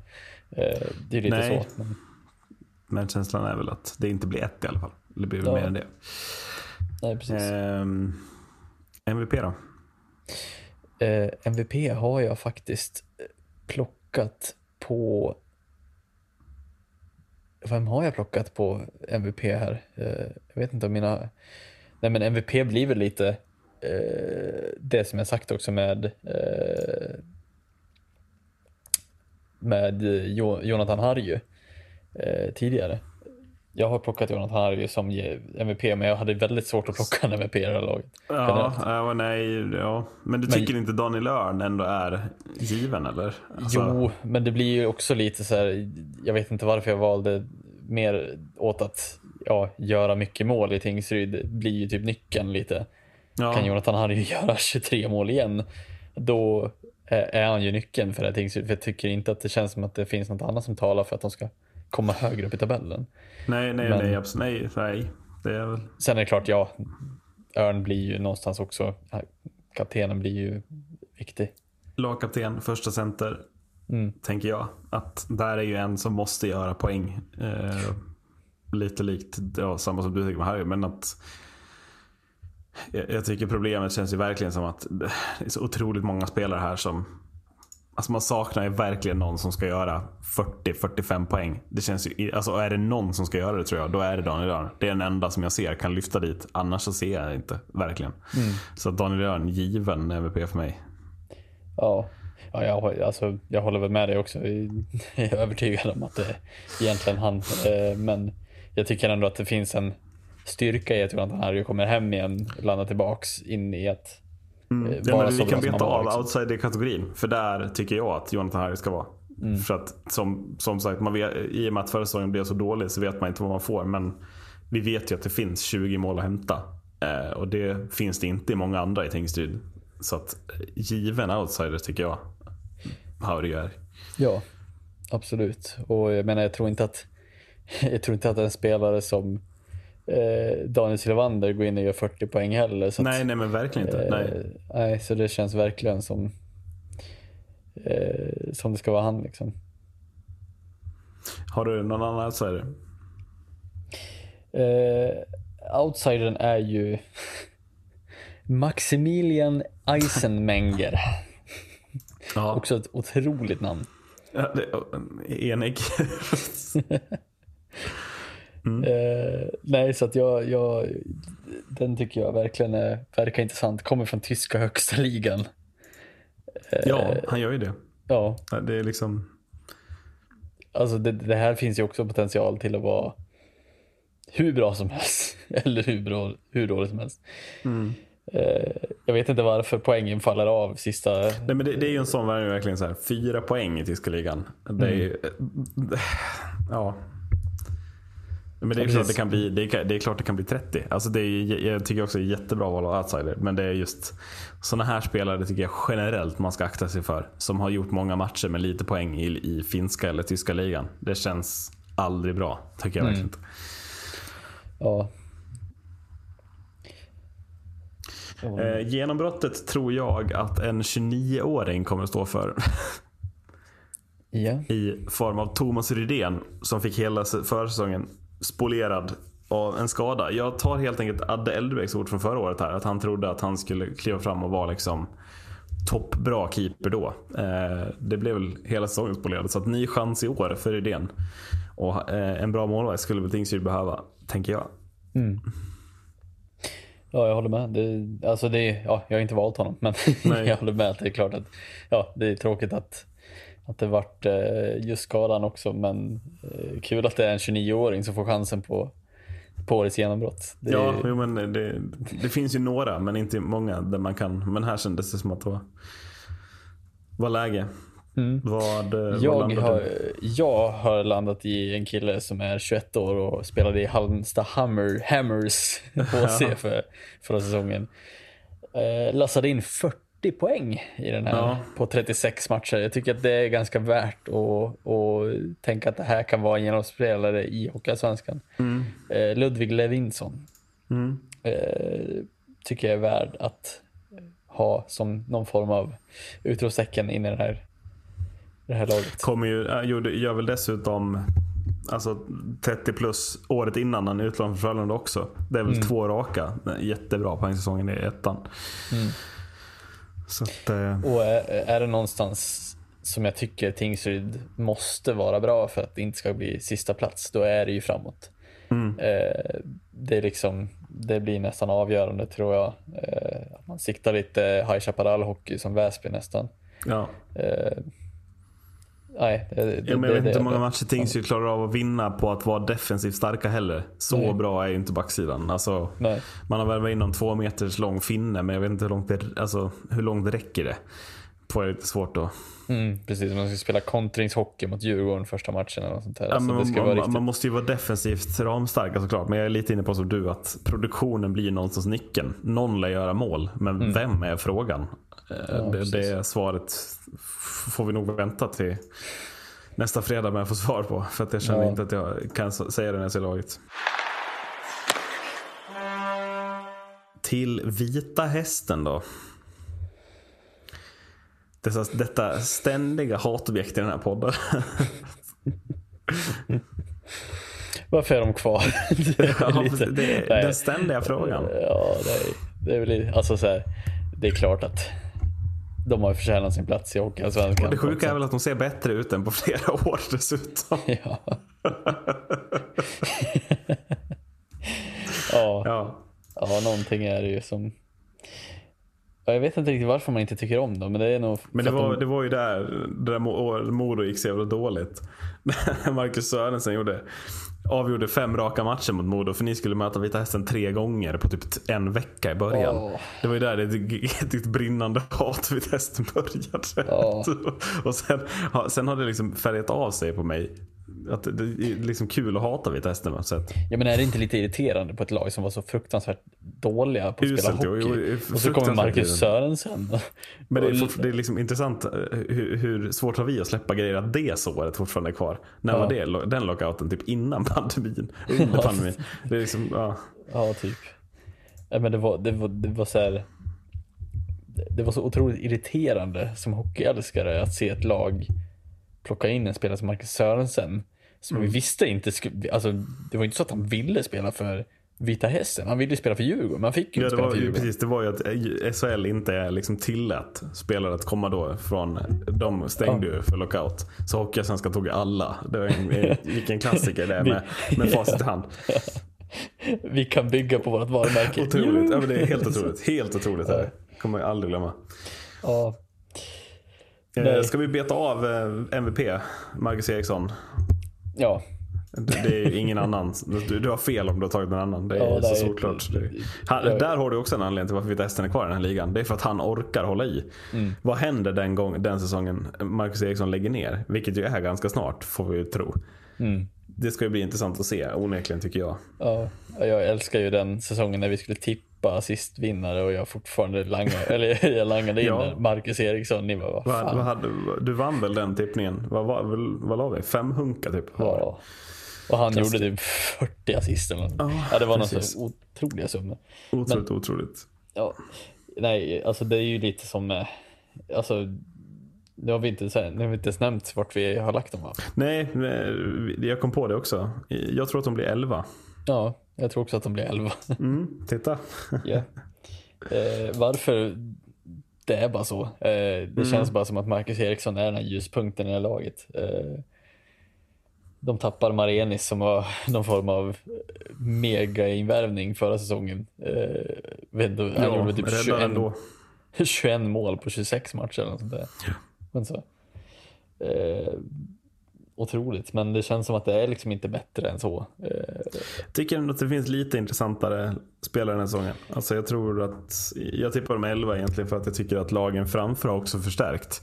Men hade det, varit, hade det varit en lite mer, typ förra säsongen där, så tror jag att de hade kunnat hålla sig borta. Alltså tagit sig in i play-in eh, med det här laget. Så jag tycker det är bättre. Eh, och jag tror fortfarande de kan ta sig in i play-in. Alltså det finns ju utrymme för floppar. Eh, liksom så.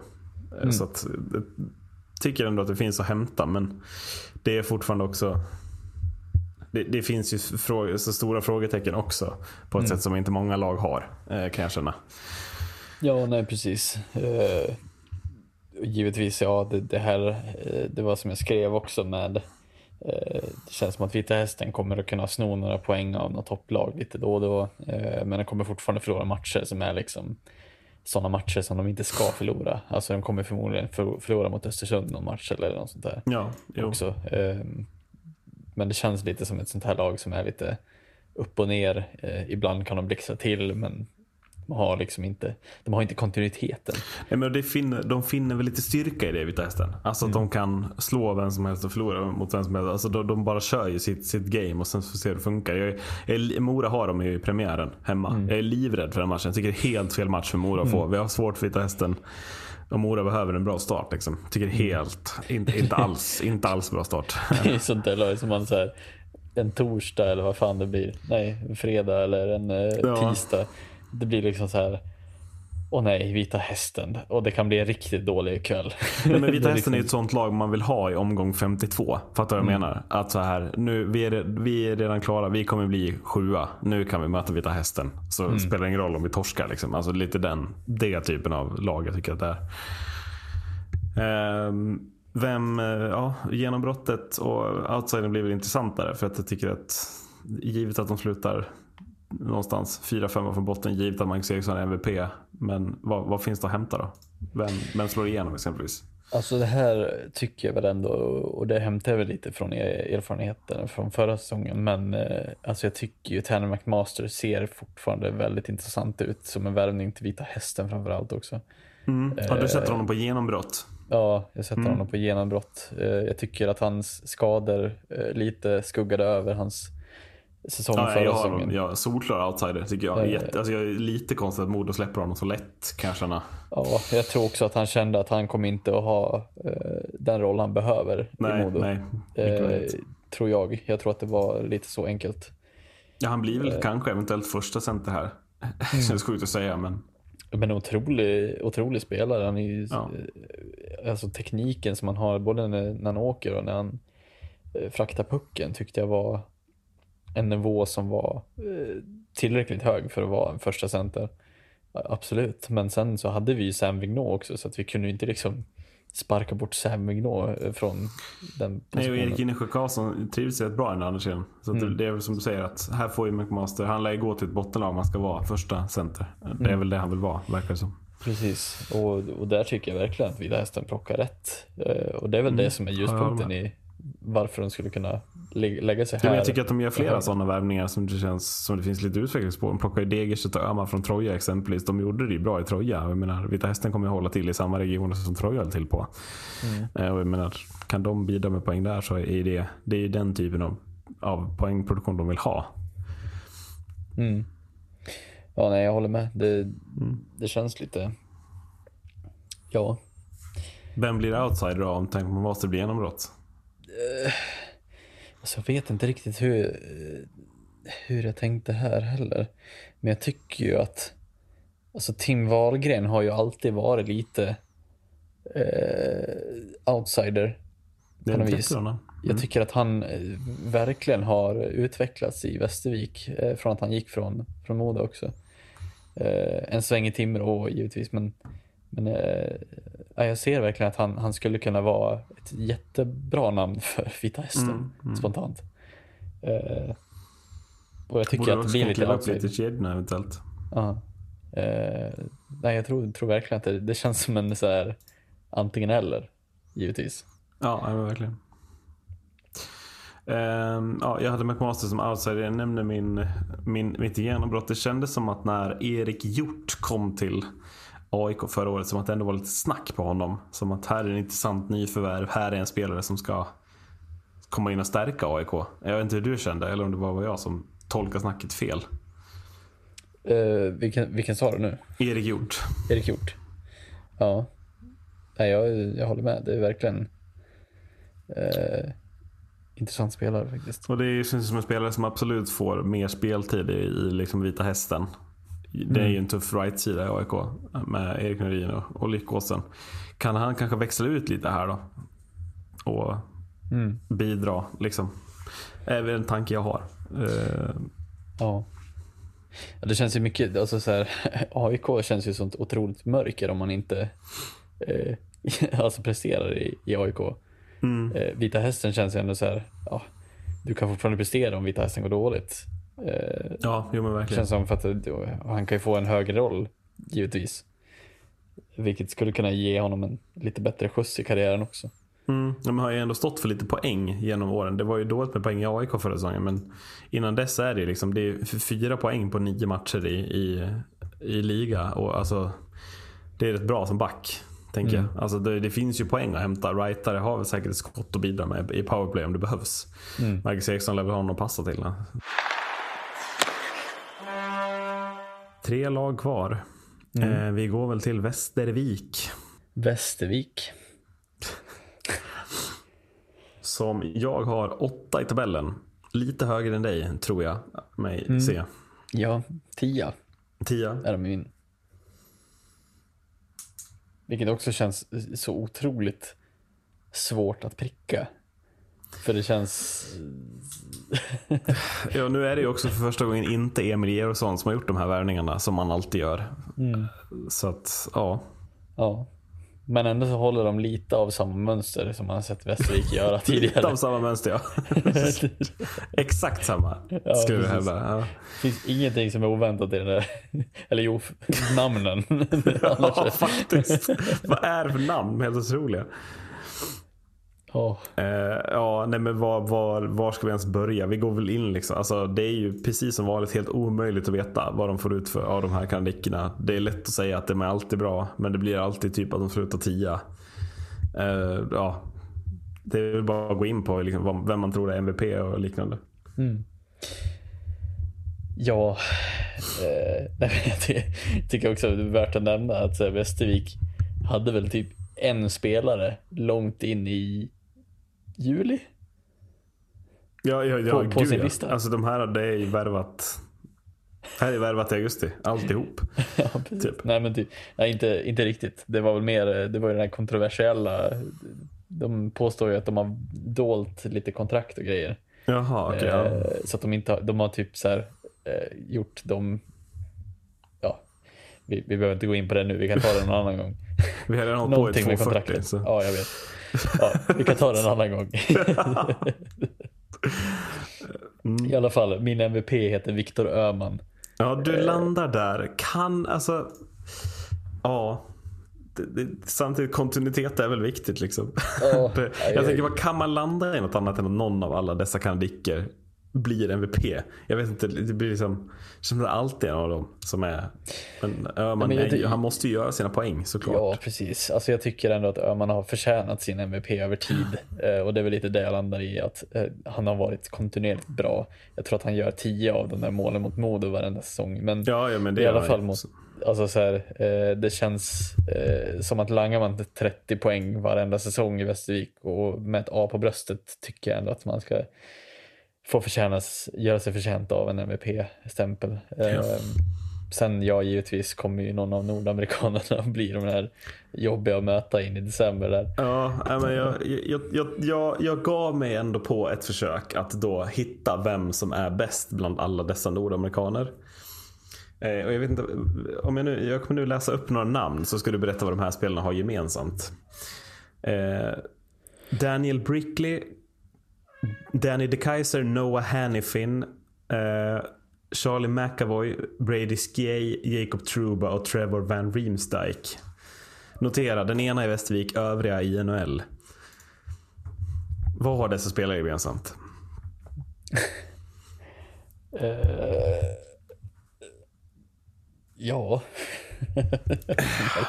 att de alla back. Nej vänta, Truba. Att de alla är backar, det stämmer. Ja, Ja, precis. Lite tydligare än så kan det väl vara. Ja.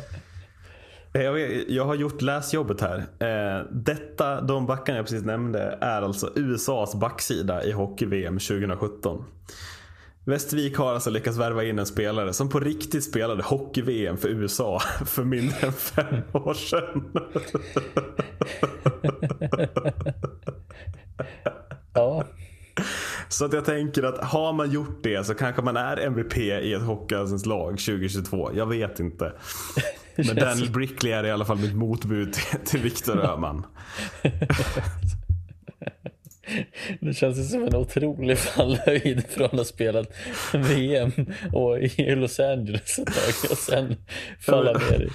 För det, var ju, det var ju året innan, 2016, det var ju då USA började med det här att de skulle ta med college-spelare hela tiden. Så 2017 då har de med två college-spelare på backsidan. Daniel Brickley och Charlie McAvoy.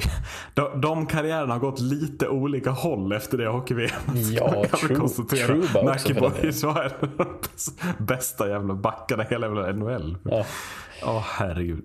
Ja, ja, jag kan säga att den här, den här fallhöjden är det sjukaste jag sett tror Nej, jag. Men det måste, det här måste det finnas någonting. Men det är också så här, hur, hur hittar Västervik sådana här spelare? Alltid. Jag fattar inte. Nej. Hur kan ingen annan vara på den här gubben att han är ledig? Att han går till Västervik? Ja, Ja, nej jag, jag, jag, vet förstår inte heller. Alltså, Jag han har ju helt...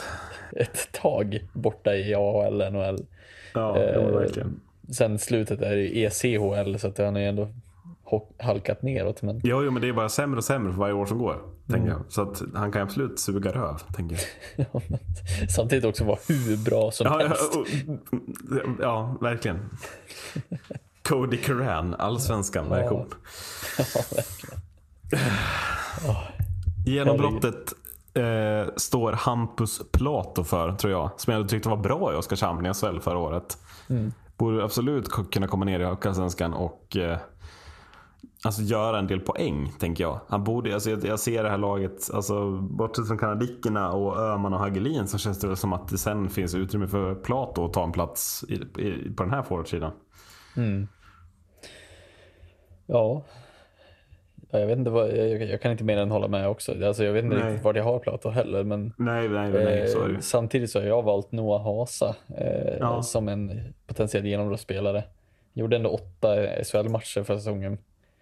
Eh, tycker väl ändå att han jagar väl en JVM-plats. Eh, kanske. Eh, Borde göra, borde göra. Mm. Ja, så att förhoppningsvis så kanske han kan eh, steppa upp och vara lite genombrott i år. Eh, sen om man får en plats på, på centersidan, det vet jag inte. Det beror väl helt på hur de hade tänkt. Ja, men det lär ja, hur, ja, jag vet inte. Plato är alltså topp två centra. Vi kan gå in på, på vad heter det, mitt, eller outside, men topp två centra lär bli Marcus Vela lär vara första center. Och sen andra center tycker jag är en otroligt intressant värvning och min outsider Ludvig Stenlund från Vita Hästen. Tycker jag känns, alltså han kom ändå in och var bra i Vita Hästen förra säsongen. Känns väl sjukt intressant med en säsong två och lite bättre offensiv, liksom offensiva spelare runt sig. Eh, så där känns det väl. Sen bakom där är det väl öppet att bara greppa. Alltså, Ja, där kan väl Hasa absolut ta den tredje tredjeplatsen om han gör en bra försäsong och är bra i inledningen av säsongen. ja precis. Eh, ja, verkligen. jag vet inte riktigt vad jag ska säga om. Men Nej, men det- jag, jag, jag sitter bara och kollar på hur många amerikanska flaggor jag kan få in i ett Ja, hockeyallsvenskt lag utan att det... Det är. Vilken är din outsider då? Min outsider heter faktiskt Marcus Vela. Eh, Ja. Det landade ändå i det. Eh, jag tycker att det ändå känns ganska intressant. Eh, egentligen borde det väl vara Brickley för att det känns ju ännu mer outsider. Ja, eller Troy Loggins som inte ens spelade en match förra året. Troy Loggins låter också som en karaktär hämtad ur High School Musical. Eller vad jag... Kenny Loggins. ja, det är väl, alltså Ja. det är otroliga så här. Vem, vem är det som har scoutat? Är det någon som har kollat på videos liksom? Eller vad? Ja, ja, nej, men det... Hur hittar man Troy Loggins när han inte har gjort en match året? Det undrar jag också. Men Marcus Vela känns för lite, alltså det känns ju givet att kunna välja vilken kandidat som helst i Västervik. Alltså Vela också rightare kliver in som potentiell första center. Alltså det är väl Miles Powell-vibbar rakt av. Från första början, rightare dessutom. Ja. Jag vet inte, han spelar också i Toledo Walleye. Det är ett otroligt namn på lag för övrigt. Jag, jag ursäktar mig Heter den. Walleye? Skojar du? Walleye. Walleye. Hur uttalar man det? Wall och eye sitter Jaha, alltså det är ihop. inte Valley. Jag har alltid läst det som Toledo Valley. Nej, det är Walleye. Ja, Eller läser man det som Valley? Nej, det är Valley Valley. ju- så- Nej, Valley är ju inte med E på slutet. Nej. Gud, nu, nu har vi hållit på för länge. Nu är det sidospår på allt. Det här är helt magiskt. Det, det här är alltså en del av... Nu, nu, nu går vi in på baksidan av hur Västerviks scouting har sett ut. Ja, precis. Så här, mm, Toledo Walleye, där har vi en kille som är... Han har också, också representerat Orlando Solar Bears. Vad är Solar Bear för något?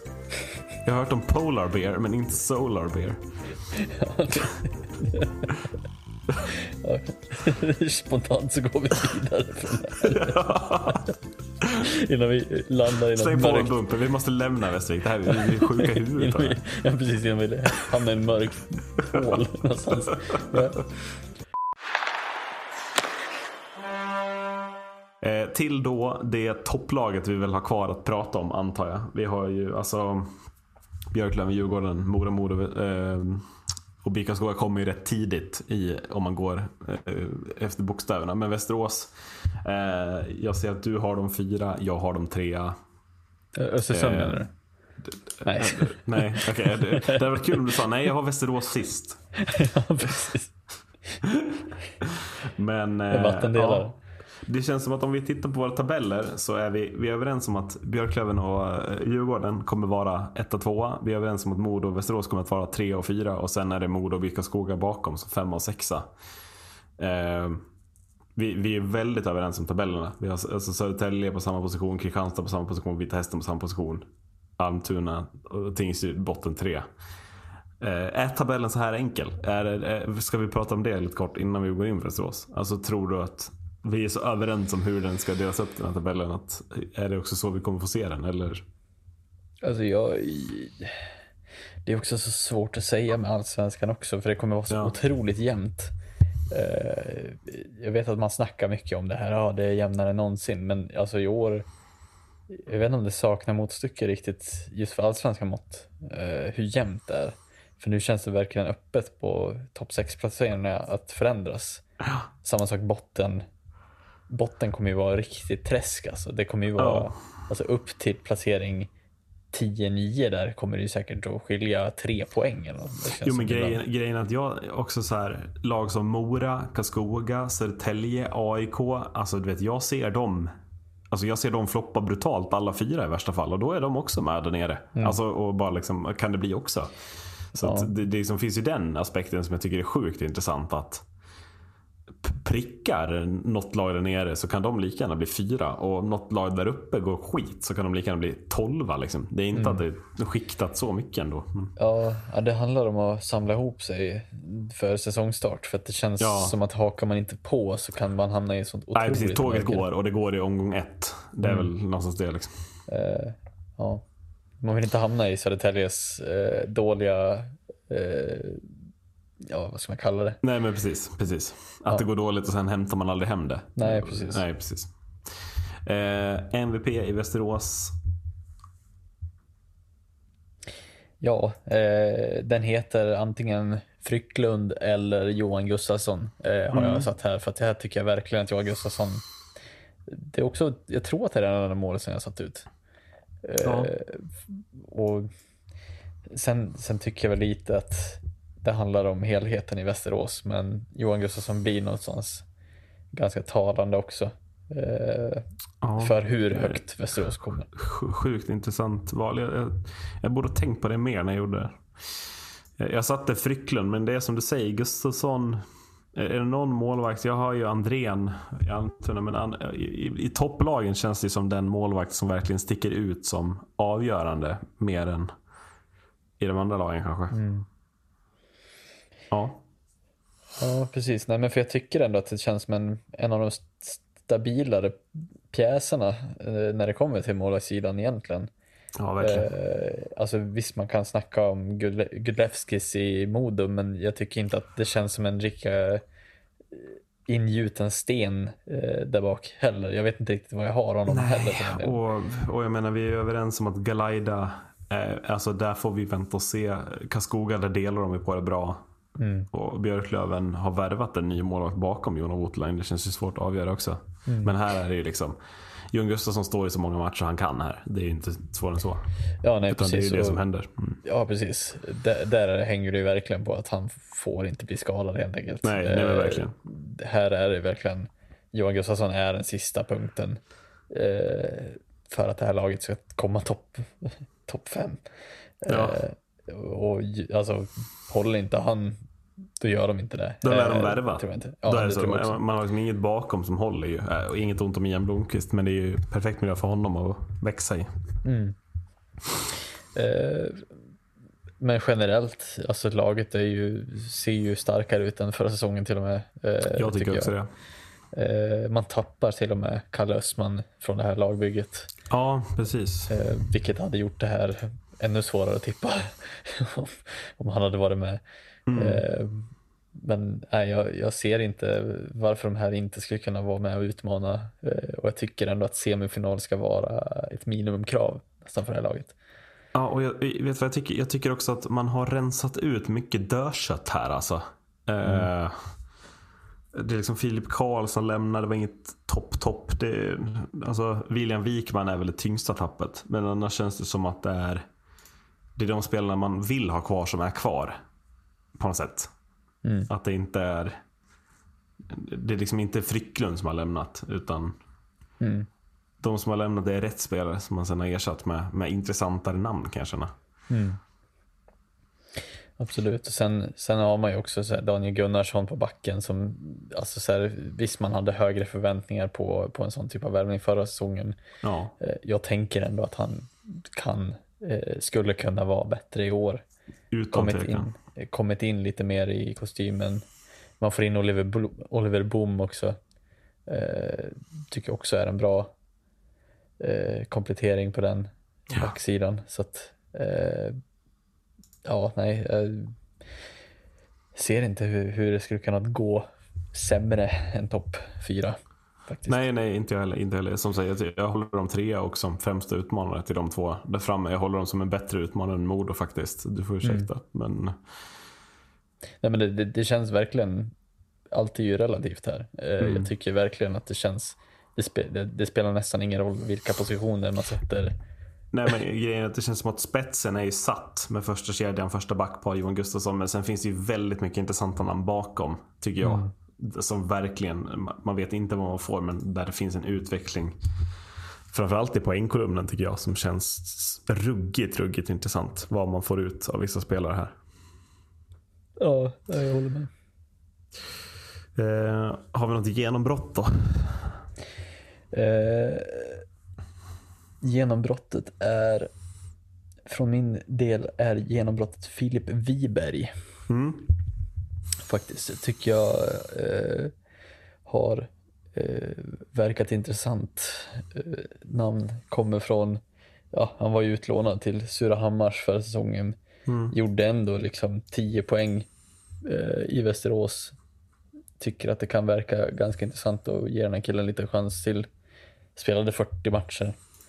Eh, alltså, nu blir det ju kanske tufft om speltiden just med tanke på vilken bredd de har i Precis laget. min tanke, men- just om man väljer en forward det här laget. Vem fan ska han peta alltså? Det är- Ja, precis. Han kommer säkert kunna kasta in någon för att avlasta några matcher, men eh, ja, kan man visa fram fötterna i det här laget, ja, vad, vad ska stoppa dem liksom från att, eh, från att kasta in en spelare som, som gör bra? Mm. Eh, så att, Ja, nej men det, det känns ju helt, alltså det känns ju verkligen, alltså är det någon som ska göra det tror jag verkligen att det är Wiberg. Han har tyngden, han har längden också på ett sätt som är ganska viktigt. Ehm, jag satte Ludvig Östman som genombrott. Men frågan är om det kanske inte är det. Han kom i fjol eventuellt då. Men Västerås var så pass dåliga förra året. Eller de var inte alls så bra som jag tänkte dem. Att ändå, ändå bolla upp Östman. Jag tror absolut han, han är lite utskriven som sjunde back om man tittar på det här laget. Men jag tror absolut att han kan ta en plats topp 6 bland de här backarna och peta någon av dem som man tänker ska spela. Ehm, och framförallt tror jag nyförvärvet Patrik Parkonen ligger väldigt i farozonen för att floppa igen i Hockeyallsvenskan. ja. Eh, det blir väldigt intressant att se vad, alltså det ska bli så otroligt roligt att se eh, hur topplagen står sig mot varandra i den här ligan. Ja, alltså ja det, men alltså, alltså Djurgården-Västerås första omgången. Alltså, det, är ju, alltså, det är nästan synd att man ska vara live och se Mora. Nej det är det inte. Men att man missar den. ja, man vill ha, man vill ha tio skärmar uppe. Första Ja, men alltså, du har ju den perfekta dubbelmackan Marcus. För de har väl den här supergrejen direkt på fredag. Djurgården-Västerås först och sen vänt, kom väl inte Modo från 2030 om jag Mm. inte minns fel. Så du har ju den, bara följa hela sändningen och bara sitta och götta dig med 57 öl. Och... sitta, sitta och njuta rakt Ja, igenom men alltså, ja, det, åh, det känns så himla fin den matchen verkligen. Vilken start. Vilka, eh, vilka är det Mora har första omgången? Är det, Mora har Vita Hästen, jag nämnde ju Ja, det just det, just det, Att, ja. eh, Det är den sämsta tänkbara laget att möta i en premiär skulle jag hävda. vi ska se det live också. Ja, men jag hade hellre bara liksom mött Björklöven och bara det är lugnt om vi torskar gubbar. Tänk Ja, inte så mycket på det.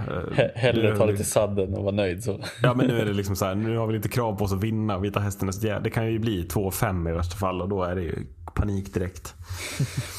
Eh, vi har outsidern kvar i Västerås innan vi bara har ett lag kvar. Ehm, det finns ju, alltså det, det kän, jag, har, jag har nästan tagit en outsider bland outsiders. Här, för jag, det finns så många uppenbara val på forwardsidan som outsider att jag inte ens har tagit något av dem. Eh, utan jag har valt Alexander Lindelöf som kommer tillbaks efter en jättebra poängsäsong i Tingsryd. Eh, Och jag tror verkligen att han han behöver inte komma in och vara någon toppback här utan kan ju komma in och styra andra PP och få komma in i offensiva situationer. Jag tror verkligen att det är ett komplement som man inte ska underskatta i Västerås i år. Att han kan bidra med lite extra poäng också från backplats. Eh, och där jag också, det glömde jag nämna när jag pratade om Tingsryd, men det tappet för Tingsryd med en offensivt producerande back tror jag blir jättetufft för dem. Mm. Ja, jag håller med. Det är väldigt bra outsider ändå. Det är ju eh, bra take på den också. Eh, jag har dock valt Trevor Sheek som min outsider Ja, faktiskt i det här okej. laget. Eh, dels för att, eh, eller taken är väl så här att ja, han var bra i Kristianstad förra året. Mm. Men det kändes som att många var oväntat bra i, i Kristianstad generellt förra året. Kan han vara lika bra i ett Västerås? Jag vet inte om, om, om Väsby-känslan är liksom samma där också, att det kan vara fallhöjden. Och framförallt kan han vara ännu bättre. Så Ja. finns det ju, alltså det är väl det som, som gör att han är för. Men, men jag tänker ju att Kik i bättre omgivning. Mm. Han gjorde ändå finns- 21 mål. I, Ja, det är fan helt sjukt att han gjorde över 20. han har också 102 utvisningsminuter, så det är frågan om man kan hålla huvudet på, på rätt ställe. Så, ehm, ska vi prata om... ehm, det känns som att det är två spelare man kanske ändå bör nämna. De heter Blake Spears och Sakari Salminen. Ska vi prata om årets flopp, Blake Spears eller? Du är så eller klar. Du är, ja, du är så tydlig Det är så solklart. Han, Blake Spears, jag ger honom 10 matcher, sen lämnar han Västerås. Okej, Hej då. vad, baserar du det på? Nej men att det är så dålig statistik, jag och Hell förra året. Det, det, det kommer Mm. komma in fel. Jag tror inte alls han kommer så högt upp som man tänkt sig i kedjorna. Jag tr- tror bara att det är, det, Ja, det det kan är ju fel, miljö, fel miljö. Ja, alltså det kan ju vara så att det är eh, att han kommer in med en förväntan att han ska vara totalbäst. I och med Ja. att han ändå spelade i Arizona för, ja, Han gjorde ju NHL-matcher förra året. Det är på den nivån. ja nej, jag håller med. Och inte alls lyckades i AL efteråt he- heller. Nej, verkligen inte. Inte, intressant att han Sen vet jag ingenting om. Tassoon Roadrunners. Men jag antar att AHL ändå är hyfsat jämnt kanske.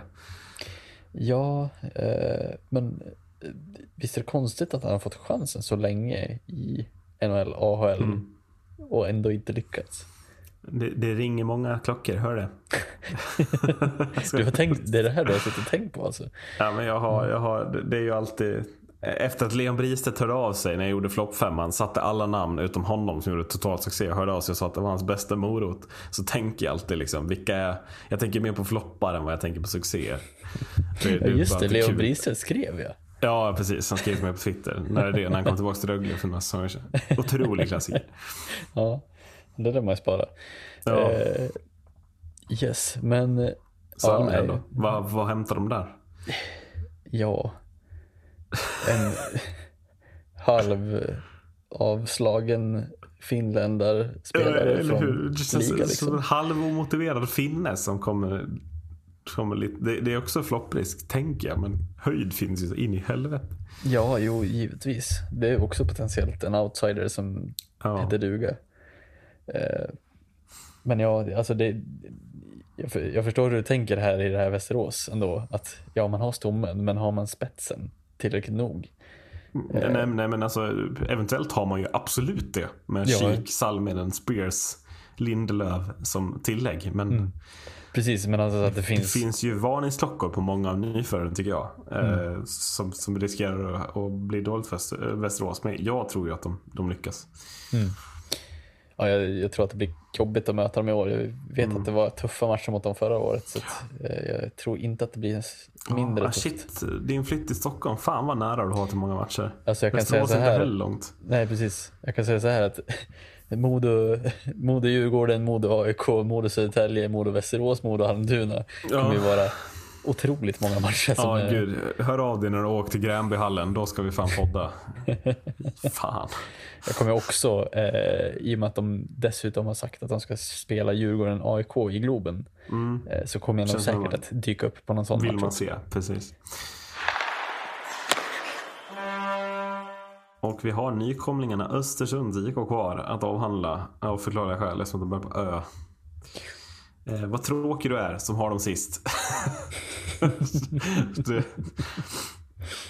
eh, jag, jag tycker att du borde gjort som du har höjt upp dem till plats, plats 13 i alla fall. Och tänkt att det finns någonting att hämta. Ja, nej. Nej. Nej, men det var, det var väl lite... Eh, ja, det kanske är lite svagt av mig egentligen att inte höja dem inte. ett steg. Men det är klart att det är svårt att kringgå att det är väldigt tufft att ta sig upp eh, någonstans, tänkte jag säga. Ja. Eh, det är väldigt tufft att komma upp från, från division 1 och in i Hockeyallsvenskan och få ihop ett lag som ändå är slagkraftigt nog. Ehm, men självklart, ja, kommer du in med, med rätt typ av go och inställning i laget kan du ju komma långt ändå. Ja. Eh, men jag ser väl ändå, ja, de har gjort några roliga, intressanta värvningar ändå, men ja, det ska väl inte räcka längre, tänker jag. Jag, jag tror absolut de kan klara sig kvar. Eh, även utan kval. Men det här är ju ett lag som, de här slutar ju på, på plats 11 till 14. Det är ju, de lyfter det är ju liksom inte som det var Allsvenskan för 7-8 år sedan. Att de som var nykomlingar kunde bli tvåa typ. Utan det, här, det här blir ju tufft. Onekligen. Ja. Eh, men sen, alltså, jag gillar ändå alltså, hur, hur, de, eh, hur de har värvat när de kommer upp. Jag menar, de plockar liksom Jeremias Lindevall och Sebastian Fakt och det är liksom eh, tycker på backsidan med, med Alexander Anderberg och Carl Johansson. Det tycker jag är ett, ett alltså det tyckte jag absolut man saknade i Troja i fjol. Ett, ett rutinerat hockeyallsvenskt backpar som kan ticka mycket istid. Ja, precis. Eh, så att på det sättet ska de väl ändå ha beröm för, för hur de tänker. Eh, Ja, men det är väl ändå, om, vi- om vi jämför med Troja, de är väl ändå en bättre nykomling än Troja.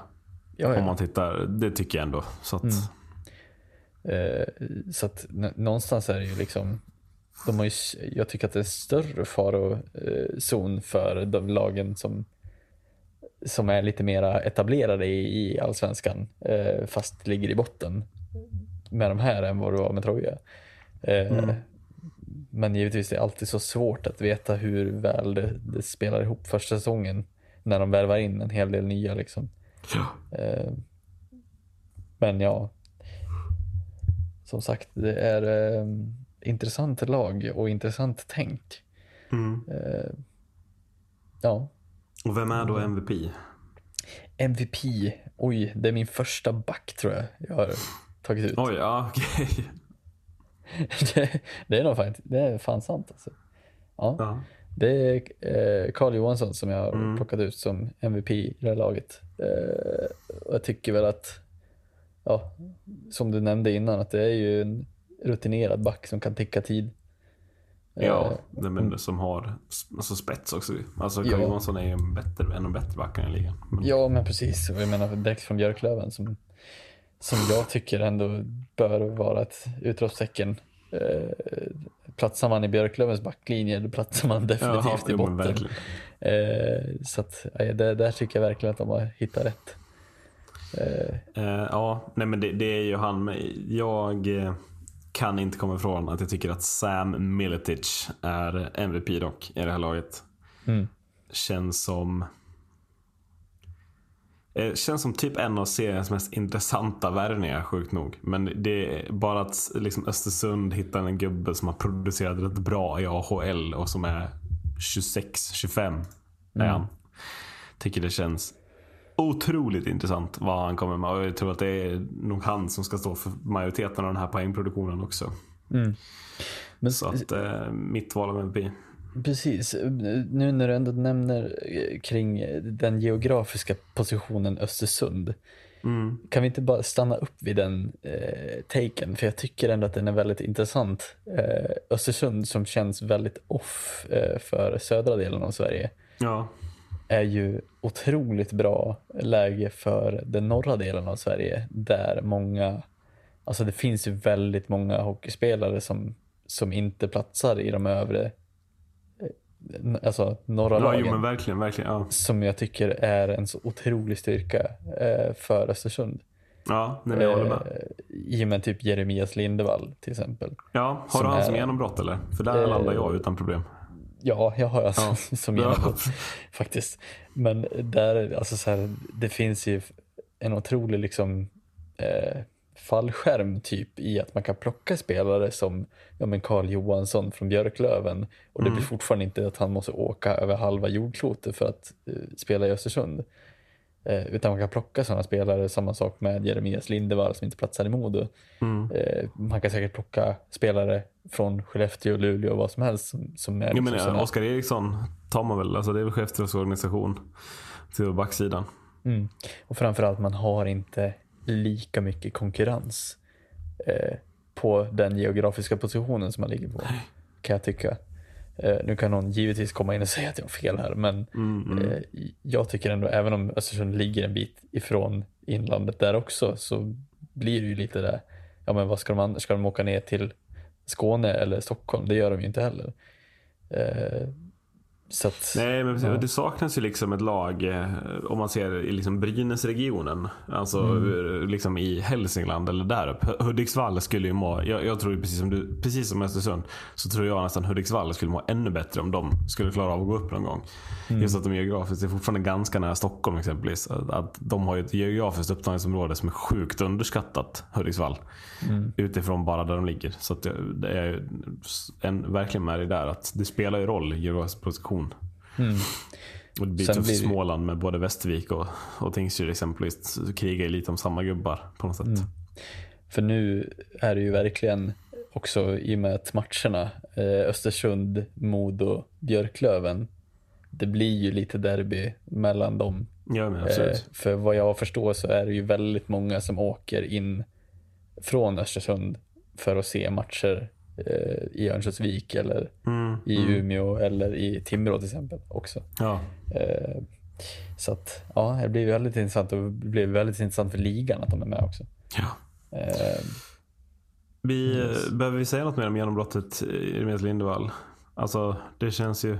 Nej, en snabb lirare som, som inte riktigt fick ut sin fulla potential. Jag inte riktigt fick, alltså inte riktigt fick, alltså så, fick inte ut, alltså han behöver ju spela som han får göra här i lite mer Ja. producerande linor. Han har ju skickligheten offensivt, inte som brunkare, tänker jag. Eh, precis. Alltså jag menar han har ju ändå, eh, han har ju poängen i sig. Det är bara det att han inte riktigt, ja som du säger, får inte ut tiden någonstans. Nej, nej men helt. Han gjorde ändå, när han klev ner, han blev utlånad till Örnsköldsvik också, så gjorde han ändå typ 30 poäng på 18 matcher. Att det, det, finns ju, det finns ju där någonstans. Jo, eh, nej, men det finns jag. ju verkligen där. Och är det någonstans han ska gå, han har ju gått helt rätt, tycker jag. Han är på helt rätt ställe. Ja. Eh, då är det bara outsidern i Östersund kvar. Ja, eh, jag vet inte riktigt om jag vänder på, på dina liksom.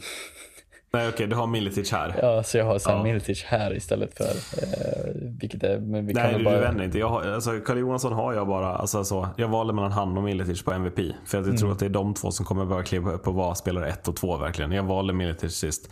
Men outsidern är väl helt solklart. Fransosen som har flugit till Östersund, Guillaume Leclerc. Eller Ja, hur givetvis. Det. Eh, känns ju. som att det, man har ju absolut ingen aning vad det här är för något. Nej. Eh, som kommer. Men att sant. eh, Miletic någonstans känns som den som givet ska producera poäng. Men att det blir väl ble- bredvid Leclerc han ska spela, är tanken. Mm. Det är de två lär ju spela i samma kedja. Så att, intressant att se vad Leclerc kan bidra med i, liksom, till Miletic. Ja.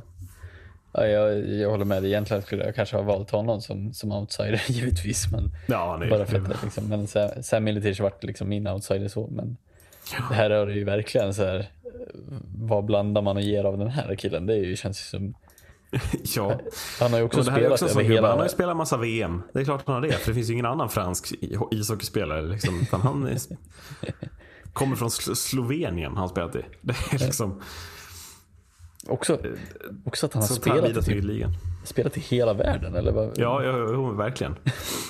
Det är liksom, han har ju alla flaggor man kan plocka på. Mm. Frankrike, USA, Slovakien, Tyskland, eh, Danmark. Danmark, Slovenien och sen Slovenien Sverige. är ändå... ja. Östersund. Det är otroligt. Eh, Jag tycker hans, hans notering där i Grenoble när han kommer tillbaka från USA efter universitetstiden. Där han har 61 poäng och plus 36 i, i, i ligan. Och sen, och sen gör 21 poäng och plus 10 i slutspelet. Då finns det ju ändå att hämta, antar jag, även om det var franska ligan. Men att, Lig vi- Magnus. ja, otroligt namn. Otroligt namn. Eh, Det är väl bara det som återstår är väl att summera tabellerna. Det här blev väl ännu längre. Men Hockeysvenskan är också fan roligare än SHL, jag säger det. Det är fan så. Eh, jag ger er min tabell. Jag har Björklöven 1, Djurgården 2, Västerås 3, Modo 4, BIK Karlskoga 5, Mora 6, Södertälje 7, Västervik 8, Kristianstad 9, AIK 10, Vita Hästen 11, Almtuna 12, Östersund på plats 13 och Tingsryd tror jag slutar sist. Och jag har Björklöven på första plats, Djurgården på andra plats, eh, Modo på tredje plats, fjärde plats är Västerås, femte är Mora, sjätte är Karlskoga, sjunde Södertälje, AIK på åttonde plats, Kristianstad på nionde plats, Västervik på tionde plats, Vita Hästen på elfte, Tingsryd på tolfte, Almtuna på trettonde och Östersund på fjortonde. Märkte jag bytte ordning på vad jag sa för si- siffra eller om jag sa Eh, ingen aning. laget. Ingen aning. Det var för att jag göra mer ingenting. Jag är så trött du, på att Intressant. prata med dig Marcus. Eh, No offense. Men Ja, jag herregud. Vad vi måste göra ett vanligt poddavsnitt nästa vecka. Ja. Som är för 50 minuter långt. Tror jag att lyssnarna behöver. Ja, där vi bara kommer in och kastar skit på närmsta domslut eller något. Absolut, absolut. Eh, det börjar starkt med ett tveksamt matchstraff på Timrå. Så det, ja. det tar vi någon annan gång. Eh, just nu säger jag bara tack för att ni har lyssnat. Hej då. Hej då.